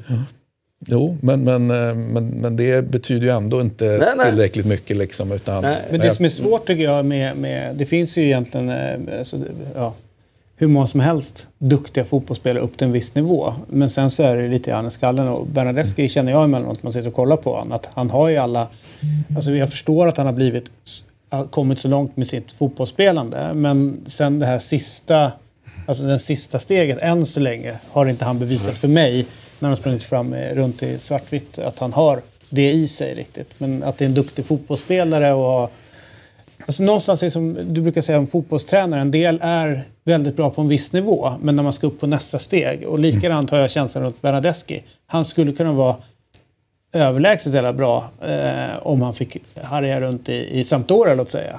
Och verkligen få det. Men här blir en annan, en annan nivå. Och det är därför man som spelare går till Juventus. Alltså om du är supertalangen Bernadeschi så går du dit för att du helt plötsligt måste skärpa till dig på alla plan. Det finns ingenting liksom, eh, att du har tveksam attityd eller, eller liksom inte tar det på tusen procent allvar. Utan går du till Juve, då är det tusen procent som gäller. Och det känns det väl som att Bernadeschi, jag håller med, att den, det har inte riktigt... Eh, alltså det ser stundtals bra ut, absolut, men fan.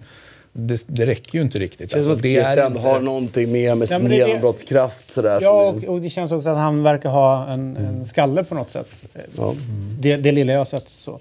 All right, eh, till Spanien.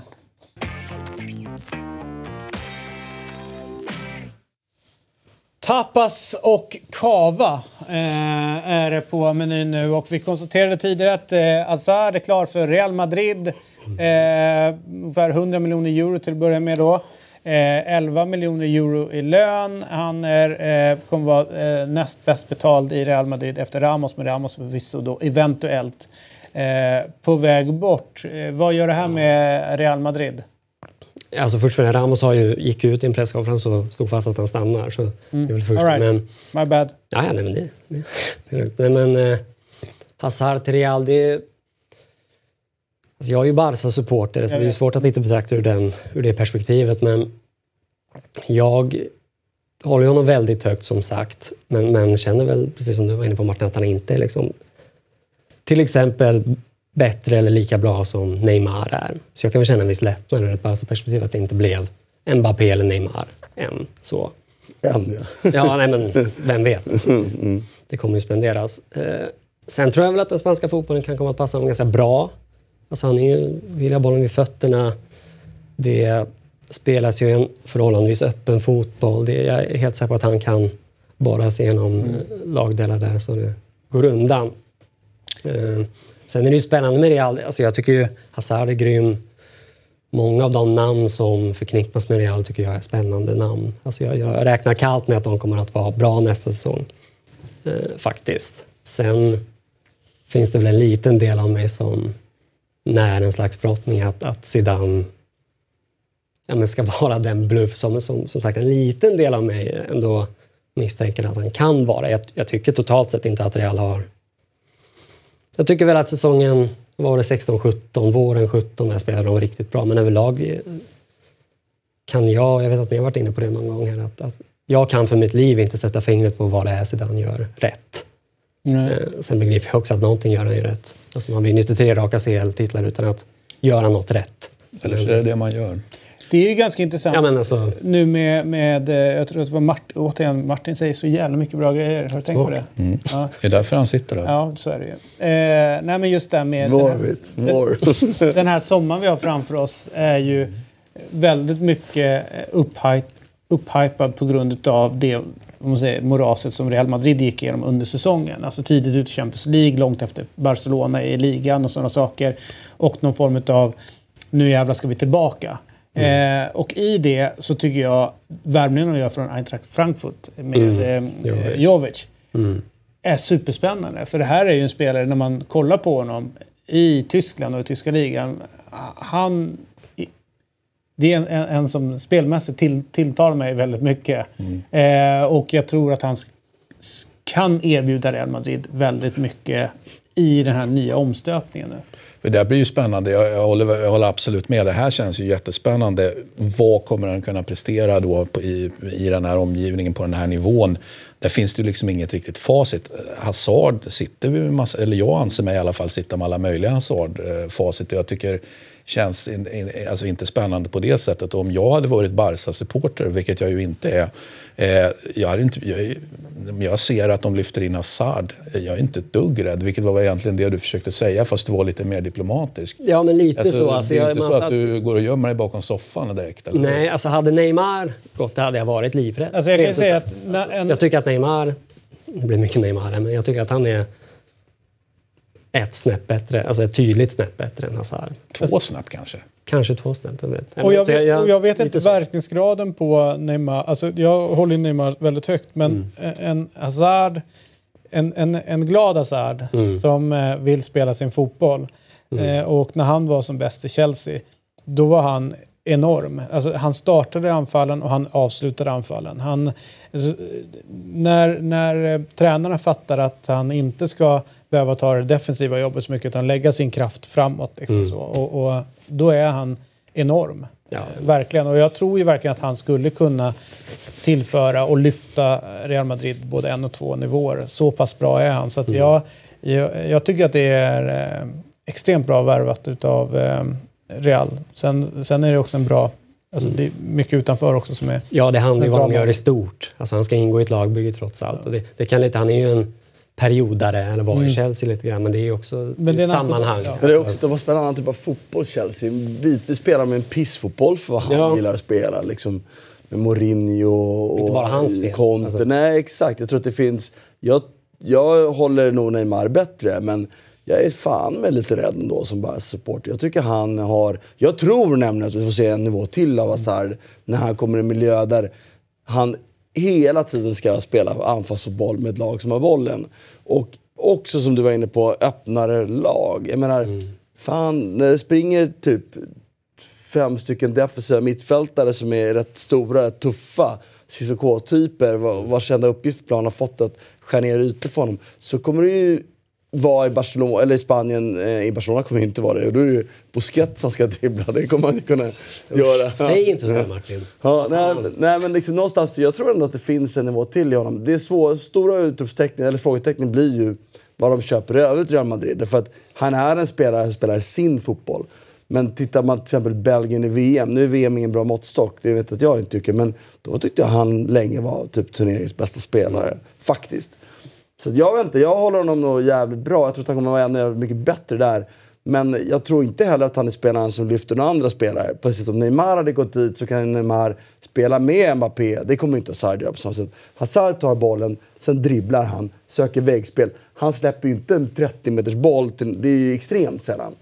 Det är väldigt mycket Hazard det handlar om när han spelar fotboll. Men Real Madrid idag, ja, men det är kanske är det de behöver. Liksom. Jag är med, vad ska Jovic, vad händer med Benzema? Är det klart? Ja, alltså jag tänkte säga det. det. Det känns ju inte helt... Benzema har haft en riktigt bra säsong. Han är ju inte bättre än Benzema nu, Jovic. Liksom. Det tycker inte jag. Han droppar ju ur en del och kan, kanske kan han på något vänster få ihop sätta in bollar samtidigt. Samtidigt men jag tror inte det. Nej, och Jovic kanske också är en jätte... Det är en ung, vad är han, 97 96 Så att bara i en ny miljö kommer han också lyfta sig. Men eh, det är ju... Det är ju inte slutvärvat heller. Barca var ju av allt att döma på jakt efter Jovic också. Så det är ju lite... Sen kan väl jag tycka att det...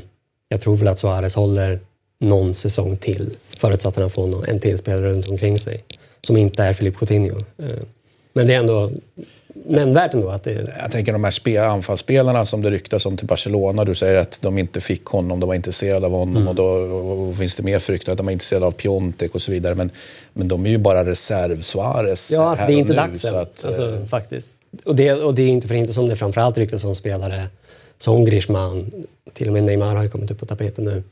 Det är ju, för det är ju där, det är ju, där finns det största behovet. Alltså att få en spelare som kan kombinera med Messi och som kan täcka större ytor och bidra mer i spelet än vad Jovic kan, det lilla jag har sett av honom. Men om det nu skulle vara då, om vi stannar till då vid Barca lite grann då, eh, som eh, ligger dig runt varmt om hjärtat. Dels så finns det ju någon form av identitetskris nu runt det hela. Eh, och en, eh, det ryktas också väldigt mycket spel att det kanske behövs spetsas till. Trots att de kanske sitter på en av världens bästa trupper redan nu. Liksom så. Då har det ju snackats lite om Griezmann, att han kanske tar sig dit. Neymar dyker upp nu. Eh, hur realistiskt är det att någon av dem kommer dit och vad skulle det i så fall få för konsekvenser för ditt Barcelona? Ja, nej, men jag, jag var inne på det lite. Alltså Neymar är osannolikt får man ändå säga. Jag menar, jag att PSG skulle släppa honom har jag- svårt att se framför mig. Det ryktades ju till och med häromdagen så blommade det upp ett rykte om att Mbappé skulle... Men det kommer ju aldrig ske eh, med tanke på relationen de klubbarna emellan. Men, men som sagt, där, där tycker jag att det största behovet är rent anfallsmässigt. Sen... Alltså du pratar om identitetskris. Det är ju... Sitter den väldigt mycket hos Valverde eller är det en större problematik med runt presidentskap och Ja, nej, sportchefsroll? Alltså, det, det är ju å ena sidan, tycker jag, att den kritik som existerar och har riktats och riktas mot ja, men Valverde och i förlängningen klubbledningen, att den är befogad. Alltså jag, jag, jag, under loppet av de senaste fem säsongerna har Barca förflyttat sig längre och längre ifrån sin, sin identitet, sin spelmässiga identitet. Och det, det har värvats för dåligt, tycker jag. Tränarutnämningarna, och det går ju hand i hand, men de har varit lite för dåliga, tycker jag. Därmed är det inte sagt att, att den här liksom domedagsretoriken som existerar kring Barca just nu inte är överdriven. Jag tycker den är lite överdriven, så som stämningen är precis just nu. Det tycker jag folk glömmer bort lite att eller, eller så här, jag tycker att det i vissa avseenden har varit ett fall framåt för Barcelona den här säsongen. Alltså, Truppen är Väldigt- jävligt bra tycker jag. Alltså. Ja, truppen är så otroligt bra. Första gången, alltså för första gången på väldigt länge har ju Barcelona värvat lite rätt. Alltså det var ju väldigt länge som jag och många med mig satt och skrek efter ja, men ett, ett förnyat mittfält, rätt typ av mittfältsvärvningar. När det var André Gomes där och det var ett mittfält av Busquets, André Gomes, Rakitic. Det, under Enrique så flög ju det spelet inte alls så mycket just för att alltså, transferstrategin var alldeles för dålig. Så det är ju, det, där har det ju hänt grejer och det är ju... Jag är ju lika kritisk som alla andra mot, mot Pep Segura och, och Bartomeu. För jag tycker att det, men det har bara försämrats gradvis. Och för alla förutsättningar har funnits på plats men de har inte lyckats lösa det. Men det, Men det är inte också en men det har ju skett var- en förändring i ledningen ändå som man måste nämna. Alltså Abidal och Ramon Planes har kommit in och det är möjligt att det är Segura som fortfarande är the puppet master i bakgrunden. Men, och det är omöjligt att säga, vi har ju ingen insyn. Men alltså, någonting har ju hänt på ledningsnivå och vi kan se någon typ av effekt, tycker jag i alla fall. Det finns indikatorer i alla fall. Får jag fråga en grej eh, till er kunniga herrar som sitter där och, och, och tänker kring eh, spansk fotboll? Jag har funderat väldigt mycket eh, kring det här managersystemet som har funnits tidigare. Man pratar då om sportchefer och sportchefer får mer och mer inflytande och fler, mer makt och det är liksom någonstans där. Eh, det finns ett humankapital som man då eftersöker och köper in. Italien är ett tydligt exempel på det. Långt framme med sportchefsdrivna klubbar får man väl ändå säga. Ja, samtidigt som det också är under Vänta, förändring. och, och sen så finns det då ägare kanske som sitter också och pekar. Men det, det jag funderar på att förutom Monchi som man har pratat väldigt tydligt om under hans tid eh, tillsammans med Emri och att det verkligen var tydligt. Monchi gör det här bra jobbet, det får det här utfallet och de tar de här titlarna. Så kan man väl argumentera för att Barcelona under väldigt många år får man ändå säga har varit ganska svaga på sportchefspositionen. Eh, och då var min tolkning eh, när jag satt hemma och funderade på det. Det är ju för att La Masia plockade fram Xavi, Iniestas, Messis, eh, Piqué, Fabregas och så där. Det var liksom självspelande runt, runt det. Och att de har under åren faktiskt misslyckats ganska mycket i sina profilvärvningar. Det har ju De liksom har lagt inte bli- mycket pengar. Och lagt väldigt mycket pengar på det och det har blivit ganska dåligt. Absolut. Och att den positionen sällan blir så utifrån verkligen så här pekad på sig så här, du håller inte måttet. Kolla vad du har värvat in. Du, nämnde André Gomes nu, precis. Under ganska lång tid, jag skulle säga att det, det har pågått väldigt många år, så har det varit svaga Ja, ja, och- sportchefsvärvningar. Och, och så koppla ihop det lite grann med Real Madrid, som har varit väldigt nyckfullt med en president och en Perez till exempel, som har varit så här, vi ska värva in de bästa och liksom bara köra på. Eh, Han ha- handlar i klumpsumma i alla fall. För att han har inte handlat på några år. Så går han in och lånar pengar i banken så värvar han. Jo, ja, men ändå att det inte varit någon så här att den här sportchefen utan Valdano var där ett tag, hamnade i konflikt med någon, är bort, så kanske han kom tillbaka. Så, så att det, det, det är väldigt... Eh, alltså det... det Okej, ja, alltså, det är stökigt. Det är stökiga alltså- eh, post, sportchefsutnämningar kan man kanske tycka. Ja. Eller deras roll överhuvudtaget väldigt stökig. Ja, nej men alltså det, det har, alltså de har ju spenderat så otroligt mycket pengar och det är just där folk pratar om att man är med all rätt att man är, man är kinkig som Barca-supporter och folk är väl utled på att man, man klagar över till, Barca-tillvaron men alla, som sagt alla förutsättningar har funnits där i och med de här spelarna du nämner och framförallt i och med Messi såklart. Alltså det, jag kan inte landa i något annat än att det är ett underbetyg att de inte har liksom, Mer titlar nu. Nej, alltså, Och inte heller har. League-nivå. Och kanske ja, ännu större... och spela eh, ännu bättre fotboll. Ja, alltså. och ännu, ännu större eh, sportsligt kliv med tanke på att nu pratar vi lite grann om titta vad Tottenham kan göra med nya arenan och nya pengar in. Ja, men kolla vad Barcelona kunde göra rätt många år med den, med den ryggraden utav spelare de har och liksom fått fram. Och istället för att handla massa småsummor, fan, släng på någon jävel och få in en, en svinbra jävla... Okej, vänsterback, Abedal är borta. Jordi Alba tycker jag sig varit bra liksom så. Men, men liksom vad... Men sen då, hur ser det ut efter um, Dani Alves på högerbacken? Sen han lämnade? Har ju inte varit så tydligt den som Nej, då nej. kommer in. Hur har det varit efter Xavi och Iniesta-tappet på Vi har pratat om mittfältet? tidigare, jag, jag tycker Barcelona har ju i mitt tycke eh, lagt för mycket pengar, absolut. Och, och jag tror inte att de jobbar utan att kunna Barcelonas struktur innan utan på något sätt så min bild alltid när man har träffat folk ur den klubben är ju, och haft kontakt med folk ur den klubben är ju att det finns ju en, det är inte utpekat en person, det finns starka sportsliga strukturer. Och det är, sen är det rätt mycket politik i den klubben. Jag är, ni vet vad jag tycker om politik. Liksom, så att, You love it. Mm, precis. Eh, nej, men så, någonstans så, så... Men Barcelona är absolut inte illa ute på något sätt. Det är ju svinlätt att rätta till det. De har världens bästa spelare fortfarande. De har, i mitt tycke, världens bästa spelartrupp. Sälj Coutinho. Behöver fan de knappt värva in dem mer för de har redan Frenkie de Jong inne. De kan släppa iväg Rakitic.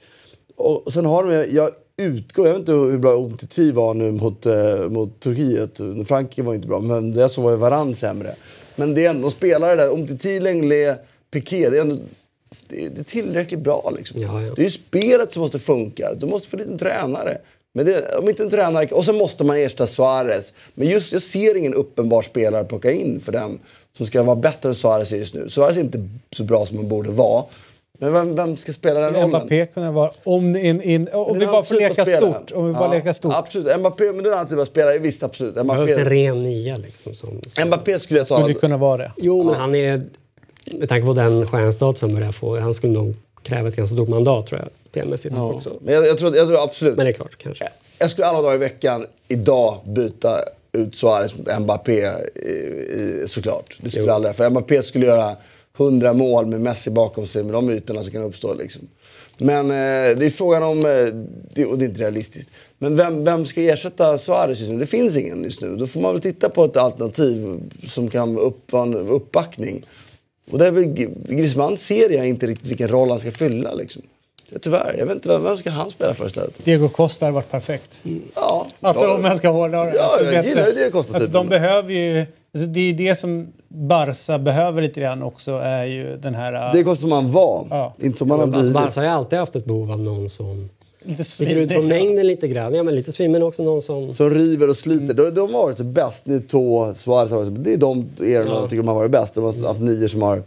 Zlatan var också från nia där. Jag tycker ju verkligen inte det. Ja, jag tyckte han var bra. Nej, Nej, fan, nej, jag nej. tyckte verkligen inte det. Så. Okej, eh, låt oss lämna de absolut största klubbarna och så tar vi oss till Sevilla som jag tycker är lite spännande med den här eh, tränarutnämningen eh, de gör då, Lopetegui. Som, eh, jag vet att Martin inte gillar riktigt att prata landslag men så som spanska landslaget spelade under honom innan han fick gå hastigt lustigt då innan VM så tyckte jag att han visade upp ett sätt att sätta upp sitt lag som de skulle, vilja, som de skulle spela som var eh, sjukt fascinerande eh, och spännande att se. Och jag tror att om man hade fått tid också i Real Madrid Exakt. Skulle han kunna ha skapat någonting som var riktigt bra Och lite där mer också. resultat med sig. För de spelade bra. Men jag, jag, i Real Madrid var han bra spelmässigt. Men Alltså, det med här... facit hand så spelade de ju... Real Bäst. spelade ju sin säsongs Bäst. bästa fotboll när han var där. Vilket ju... Men de skapade inte resultat. Men, men i Sevilla nu då som är, är liksom en, en, en klubb som har... eh, Ja, ja. Det finns ett ja, men humankapital, det finns kompetens och sådana saker. Vad tror ni att han kan förändra och, och ställa till där? Nej, men det, alltså, så här, på pappret känns det ju väldigt spännande. Alltså, som sagt, Real spelade inte så dåligt som resultaten gjorde gällande, tycker jag, sådär tidigt på säsongen. Och jag ska inte säga att han blev orättvist behandlad, men alltså, Förlorade man med 4-0 mot Barcelona Ja, så fick nej, ingen det är klart. utväg. Det- så är det ju. Men eh, nej, vad fan. Alltså, Och andra- match made in heaven, säger jag. Ja. Vad, vad tänker du kring Nej, jag tycker det är jättespännande. Spännande Marcelino Valencia. Ta steg. För Valencia är ju på väg mot någonting till. Sevilla, Atletico Madrid, Real Madrid, Barcelona. Det, det, det finns ju någonting.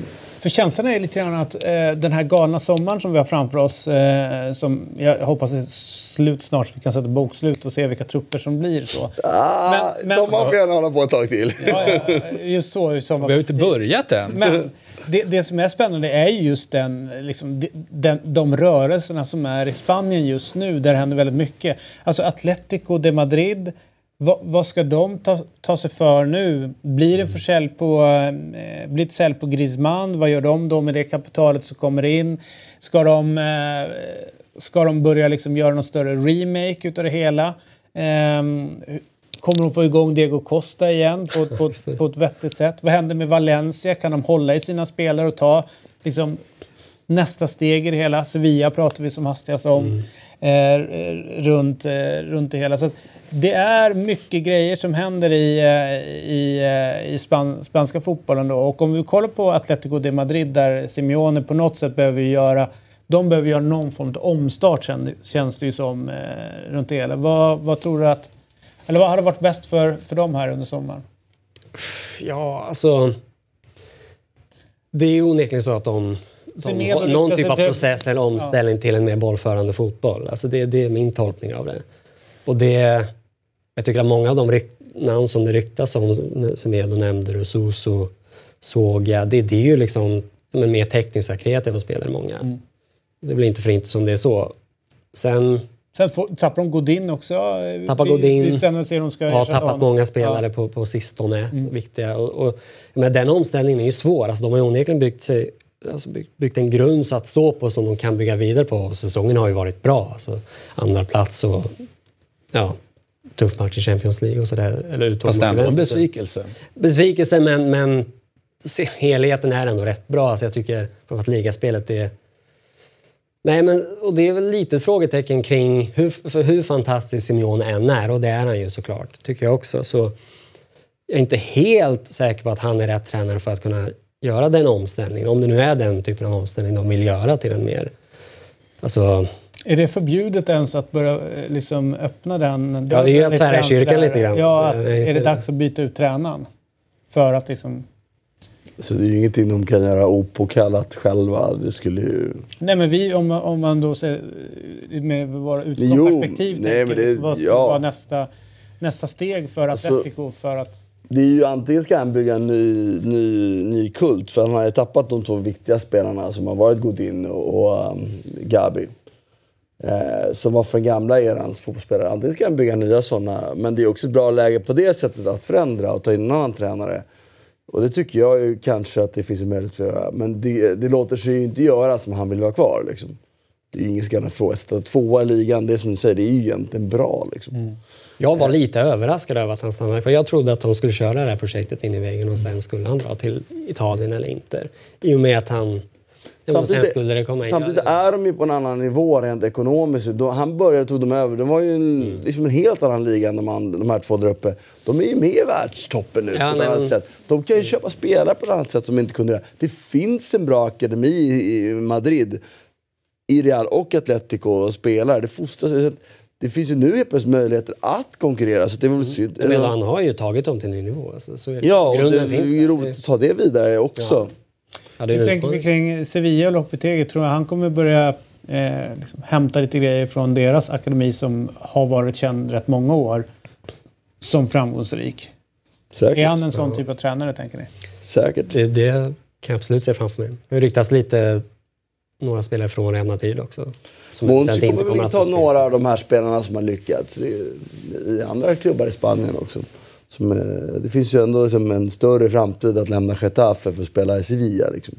Det finns ju många bra spelare. Det är ju trots allt hela grunden ändå för Spanien är ju att det finns väldigt bra, mycket bra fotbollsspelare. Det kan väl vi i Allsvenskan se om inte annat när det kommer spelare från tredje divisionen och faktiskt är klart bra i Allsvenskan. Liksom. Så bredden är enormt bra i Spanien. Det är den.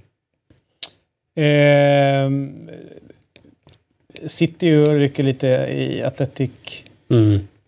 de Madrid-spelare också. eh, Ja, Rodri. ja, Rodri. Nej, men det är väl det är en sån typ av spelare att det, han, har ju, han är ju långt ifrån lika bra som Gabi var. Men han har ju vissa egenskaper som är väldigt viktiga. Så jag upplever att han har, han har varit viktig i ett lite mer bollförande Atletico. Och att han kan komma att spela en nyckelroll om han stannar. Och det, det sägs att de vill erbjuda Bra mycket sälja honom nu. Ja, men- behöver förändra sitt spel. Nej, är alltså, de vill ju, av rapporten att döma så vill de ju verkligen hålla fast vid honom och är redo att ge honom bra mycket högre lön. Och jag förstår det, eftersom han, han har ju någonting som Ge, är viktigt i ge den typen av grabben spel. deg som Christian skulle sagt, eller? Ja, punga upp bara. Ja, punga upp. Men du, förra årets eh, överraskning får man ändå säga någonstans eh, eh, Getafe som gick igenom. Minst bollinnehav i hela ligan tror jag de eh, landade in på. Och eh, lät de andra, som Leffe Strömberg skulle säga, eh, de rasta, rasta, rasta, sen hade de gått klart liksom. Då var det bara att ställa om och göra mål. Men eh, eh, det var ju en, apropå pragmatiskt sätt att spela fotboll, så var det ju extremt så att eh, det var omställningarna, de var syl, syleffektiva i, i sin fotboll. Eh, och, och vissa säsonger kanske det då är så att alla stjärnor stod helt rätt för dem och därför kunde de flyga upp på den nivån som de gjorde. Eller ser ni någonstans i Getafe att det finns ett fundament som är så pass starkt så att de skulle kunna ta, liksom behålla den här relativt höga nivån? Jag, jag tror inte de kommer vara lika högt Nej. upp eh, nästa år, men, men eh, Det som är en del av ett sånt fundament i sådana fall är ju att, att eh, rent geografiskt att man faktiskt ligger så nära Madrid som man gör. Det går ju, eh, jag menar andra klubbar som kanske ligger världens ände och allt sånt där. Det är inte alltid så lätt att värva till, den, till de klubbarna av geografiska orsaker. Det är ju, det är ju, det är ju så bara. Eh, här tycker jag Getafe bör kunna dra nytta av och har säkert absolut dragit nytta också att man ligger man är så nära huvudstaden helt enkelt. Det, är, det är ju tacksamt. Det är någonting man ska jobba... Alltså, dels ska du kunna plocka lite spelare som eventuellt inte platsar i Real och, och Atletico. Det tycker jag är självklart att man ska kunna göra. Spelare som kanske inte vill, vill dra riktigt. Finns det någonting fint i att i en tid när man pratar om possession och eh, en viss typ av fotboll som ska spelas, att det ändå finns plats för en sån här typ av fotboll i den typen av ligor och i det landet? Ja, det är klart det gör.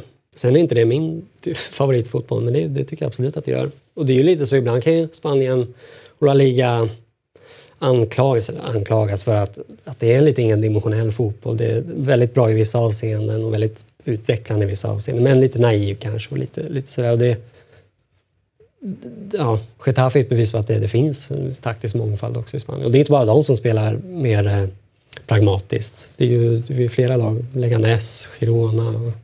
Sociedad historiskt har ju spelat Ja. den typen av Ja, nu är de ju lite...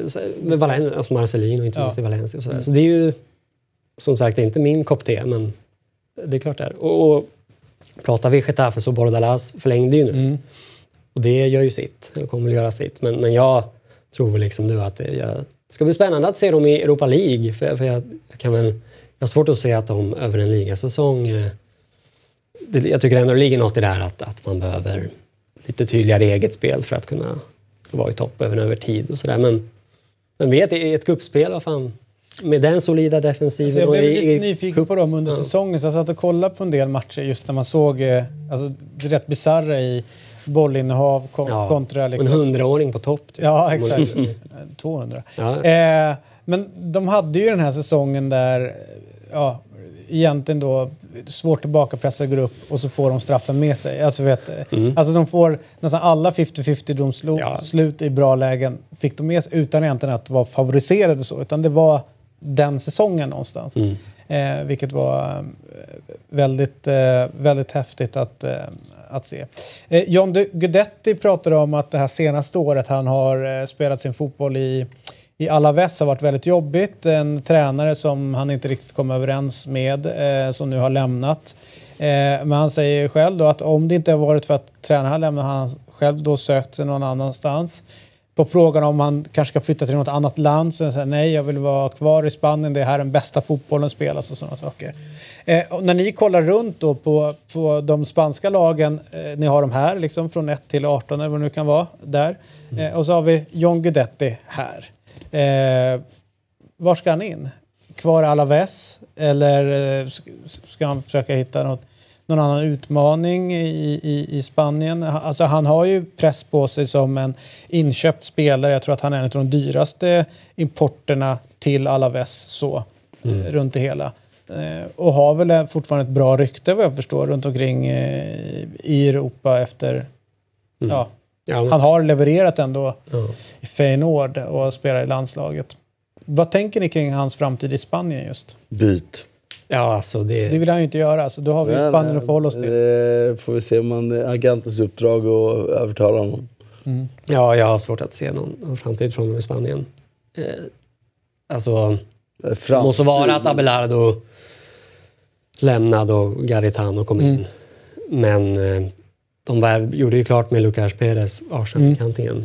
Mm. Eh, och han kommer ju tveklöst att gå före Guidetti i hackordningen. Alltså, det, det är väl någonstans spiken i kistan. Jag, jag tycker väl inte att... Jag tycker att han har, har många... Han är långt ifrån poänglös, John Guidetti. Men han, han är begränsad. Alltså, I grund och botten tycker han är så otroligt... Han har ju liksom ingen fart alls. Alltså, han var ju inte särskilt snabb innan lårskadan, eller vad man ska kalla det. Men sen har ju liksom han är inte riktigt tillräckligt stor kan jag uppleva jag för att kunna spela det tydliga taget-spelet. Han är ju någonstans en bra spelförståelse, bra funktionell teknik, bra avslutare. Men för jag, tillräckligt bra. För jag har funderat lite grann på att det kanske är i ett eh, spelförande lag som dominerar sina matcher där han skulle kunna vara som bäst. Mm. Och då, och då är det såklart att eh, konkurrensen är mycket hårdare. För att han har ju om man kollar på honom, eh, man kollar träningar med honom och så här. Alltså, om det dyker upp åldersstraff, alltså han kan ju ändå liksom, han har intuitivt så söker han sig till rätt ytor. Han är där och trycker in bollarna och han kan göra med vänstern och högern och skalle och, och, och sådana saker. Eh, det är väl emellanåt kanske att eh, de här bollarna att sätta på djup, alltså ja. Getafe-spelet mm. kanske inte passar honom fullt ut. Eh, och att han är beredd på ett ganska liksom, självuppoffrande sätta in första pressen och göra det. Men det är klart att ska han gå till en Valencia eller Sevilla eller, och så, då måste han ju ändå få, Nej. få spela mer än vad, vad han gör idag. Nej, då vill ju till att han lämnar för en annan liga om han ska kunna spela ut. Men, det, men han är fortfarande, det jag, försöker jag, jag håller honom fortfarande ganska högt. Ja, men det är som sagt, han är långt ifrån poänglös. Ja. Jag bara sett att det finns liksom inget lag riktigt där han har plats för att göra den fotbollen det är inne på. Då, då tycker ju personligen jag att han skulle gå till en annan liga där han får han är ändå 92, eh, fyller 27 år. Det är, nu nästan. Ja, men det är någonstans ändå liksom, vad fan, börja om då. Alltså Holland, fan FCK, det finns ju massa ligor att spela i. Tyskland, Tyskland skulle, han har ju det tyskarna alltid vill ha, liksom, den här förmågan att, att ge allt in i alla situationer och ta sig igenom. Och prova något annat. Jag, jag tycker att han, spanska ligan är en av de sämre ligorna för honom. Personligen. Italien har varit bättre där man har större nytta av hans taktiska skicklighet. Liksom. Så att jag förstår faktiskt inte, och det tycker jag är agentens uppdrag att prata med honom om. Att, är det Perra? Nej. Nej, det tror jag inte. Nej, så kan det vara. Härligt. Mycket spännande där. Eh, vi ska ju snart sammanfatta eh, i ett annat avsnitt det hela, hur det har gått. Det är väl, han har väl Hassan? Va? Han Hassan? Oklart. Jo, jag frågar dig, det är du som är expert. Jo, men alltså, så tänker jag. Vi har fått lite tittarfrågor eh, som jag tänkte ta innan vi stänger igen butiken för den här säsongen vad gäller Eurotalk. Och den eh, första är från Oliver Järneberg. Hej Oliver Järneberg, kul att du tittar. Eh, han skriver så här, prata gärna om Bernardo, Bernardo Silva. En helt fantastisk spelare som tyvärr inte får den uppmärksamheten som han förtjänar, enligt mig. Han är direkt avgörande i såväl klubblag som landslag och vinner alltså fem av sex möjliga titlar i år. Bör han vara en kandidat till att vinna Ballon d'Or? Nej, det bör han inte. Men det betyder inte att vi inte håller honom högt och, och gillar honom som fan. Martin och jag har ju, har ju älskat honom ganska länge. Mm. Sen det där U21. Och, och, det känns ju ändå skönt att han har tagit, han har ju tagit något slags kliv ändå. Mm. Men Ballon d'Or var, var väl att ta i va? All right. Eh, håller ni andra med? Mm. Yes, till punkt och pricka. Kristoffer Dahlgren. Om Borrell, vi har ju två stycken i soffan nu som eh, flörtar lite grann med Arsenal. Eller en väldigt mycket, en lite mindre här. Kristoffer mm. eh, skriver, om Borrell har några nyförvärv som man skulle vilja ha till Arsenal? Jag har ju, alltså alla de där frågorna, ny tränare, jag har varit dum nog att svara några gånger för jag, under Wenger-tiden liksom. Eh, alltså, jag vill ha en klubbledning som hanterar det här. Jag, jag vill inte att någon suppo- supporter ska sitta där och säga att det där är en bra värvning, det där är en bra värvning hit och dit. Utan jag vill ha, jag vill ha en klubbledning som jobbar långsiktigt. Det är det absolut viktigaste för mig. Va? Sen finns det såklart massor med spelare som jag skulle kunna tycka vore spännande. Och, Jag vänder på frågan då och eh, gör våld på vill ju- Kristoffer Dahlgrens fråga och ställer frågan så här till er istället. Mm. Eh, vilka positioner eller position i Arsenal känner ni att det finns utrymme eller kanske ett stort behov av att förstärka?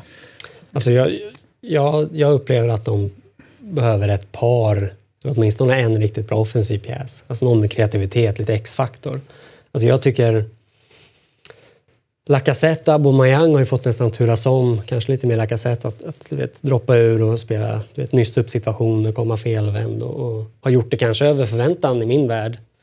Och Ivo, Ivo har ju fått dra ett hyfsat stort lass offensivt och det tycker jag säger allting. Alltså jag, varken Lacazette eller Aubameyang i min värld spelar som ska iklä sig den rollen. Alltså, Så någon mittfält, offensiv Ja, mittfältartyp ja, det är svårt. De har, kanske inte har möjlighet att handla från högsta hyllan just nu. Men säg Nabil Fekir till exempel. Den spelartypen. Alltså någon som, någon som med X-faktor som inte är Mesut Özil. Jag Vad bör säger nog, jag bör mannen nog som jobbar andra, som expert? jag börjar andra andan tror jag. jag alltså, en, en mittback åtminstone till. Och bättre organisation på mitt, mittbackarna. Jag tycker att antingen måste Guendo Si ta ett rejält kliv eller så måste de värva en mittfältare till. Jag tycker det var tydligt också att tyvärr, min farhåga blir besannad. Torreira håller inte riktigt den nivån på den här höga. Eh, och Xhaka har en, han är den enda av dem som har bra passningsspel. Men någonstans i den centrallinjen saknas det två spelare som tycker är bra nog. Sen skulle jag börja titta på den offensiva delen. Mm. Eh, Jay Swede, prata om Sergio Ramos framtid i Real Madrid. Håller han, på, eh, håller han för att leda laget i, i den generationsväxling som pågår? Eller är det dags att föryngra på den positionen också? Om så, vem skulle ni vilja se kliva in då istället för Ramos? han ska vara kvar. Ja, alltså att ersätta honom är svårt på flera plan. Alltså, så det... Sen tycker jag att han håller måttet trots allt. Alltså, han är inte felfri, men... Nej, jag, jag Han har väl flera säsonger kvar. Det, jag Ja, han är inte Det är väl liksom inget alltså. akut problem. Det. Nej, nej, nej precis. Och han är ju man? en ledare, så han, han tillför ju något annat också. Alltså, Alltså, jag vet inte vilket, liksom, hur hans påverkan är inne i omklädningsrummet. Jag upplever ju som en bra ledare, men det ser ju inte vi. Liksom. Men på plan så finns det brister, men det finns också tillgångar. Så det är inte akut att byta ut honom. Det, det, även om året i år inte var så himla bra så... Nej, jag håller med de övriga. Utan det är bara om man ska bytas ut därför att det är en för stark personlighet som kanske inte har rätt påverkan. För en, då ska jag bytas ut. Eh, Giovanni BFC eh, skriver så här och han eh, försöker komma åt ert lite mer rörliga intellekt nu. I- spännande. Ja. Eh, han skulle vilja ha en diskussion, kanske inte behöver köra en diskussion, men ni kan väl fundera lite grann, kring en roll som han eh, tycker hamnat i skuggan, nämligen den klassiska tian finns så många bra spelare men som inte riktigt passar in eh, någonstans. Isco, James, Özil. Varför används inte rollen? Eh, kommer den komma tillbaka? Ja, det är ju jättespännande såklart. Den där diskussionen har vi ju har vi inte haft ännu i 15-20 år nu. Liksom att tiorna försvinner och sen vad man, man kallar dem trekvartista och allt möjligt. Att den är liksom satt på undantag och sen så, ja, helt plötsligt dyker det upp någon som är tillräckligt bra för att ha rollen. Jag vet inte. Jag, Alltså, det det, är väl en helt- speltaktisk grej egentligen som jag Jo men helt säkert kommer det komma tillbaka. Eh, Alltså, allt går i cykler. Jag fan trodde vi skulle spela med halvinnebackar igen för, för tio år sedan. Det är ju mer regel nu, antagligen de moderna lagen nu att man... Alltså när man tittar på en del ungdomslag idag spelar de fan inte ens fyrbackslinje längre. De spelar ju 2-4-2, alltså helt annorlunda system. Så det, det händer ju någonting där. Så som, ja, när det kommer komma tillbaka. Den, är ju dock, den ytan är ju väldigt, väldigt stängd just nu. Därför det är den farligaste ytan. Alltså tänk dig när man mötte de här brittiska lagen, eh, så här, träningsmatcher, den här raka 4-4-2, de här havet mellan lagdelarna. Det finns ju tyvärr inte Så längre. under period skulle man ju nästan driva mellan lag. Ja. Alltså, om du bara fick, fick bollen där så kunde du ju Då hade du, 15-20 någon, någon, meter då hade du någon den. sekund eller två på dig innan någon gick på det. Ja. Nej, men den kommer tillbaka. Den, den, är, mm, den är satt på paus lite för den ytan där de opererar i, i typ... Den finns ju just nu inte alls. Liksom. Tror ni att Libro kommer dyka upp alltså, som en del av utvecklingen med, Ja. från trebackslinje till att Titta, titta hur Holland spelar sitt... Igen, så ni det Holland igen? De spelar ju nästan fan man-man ju. Det är ju ingen position, zonposition försvar. Eller väldigt mycket mindre inslag i det. Och det är ju ett steg åt det hållet. Sen kanske inte Libro ligger nedanför.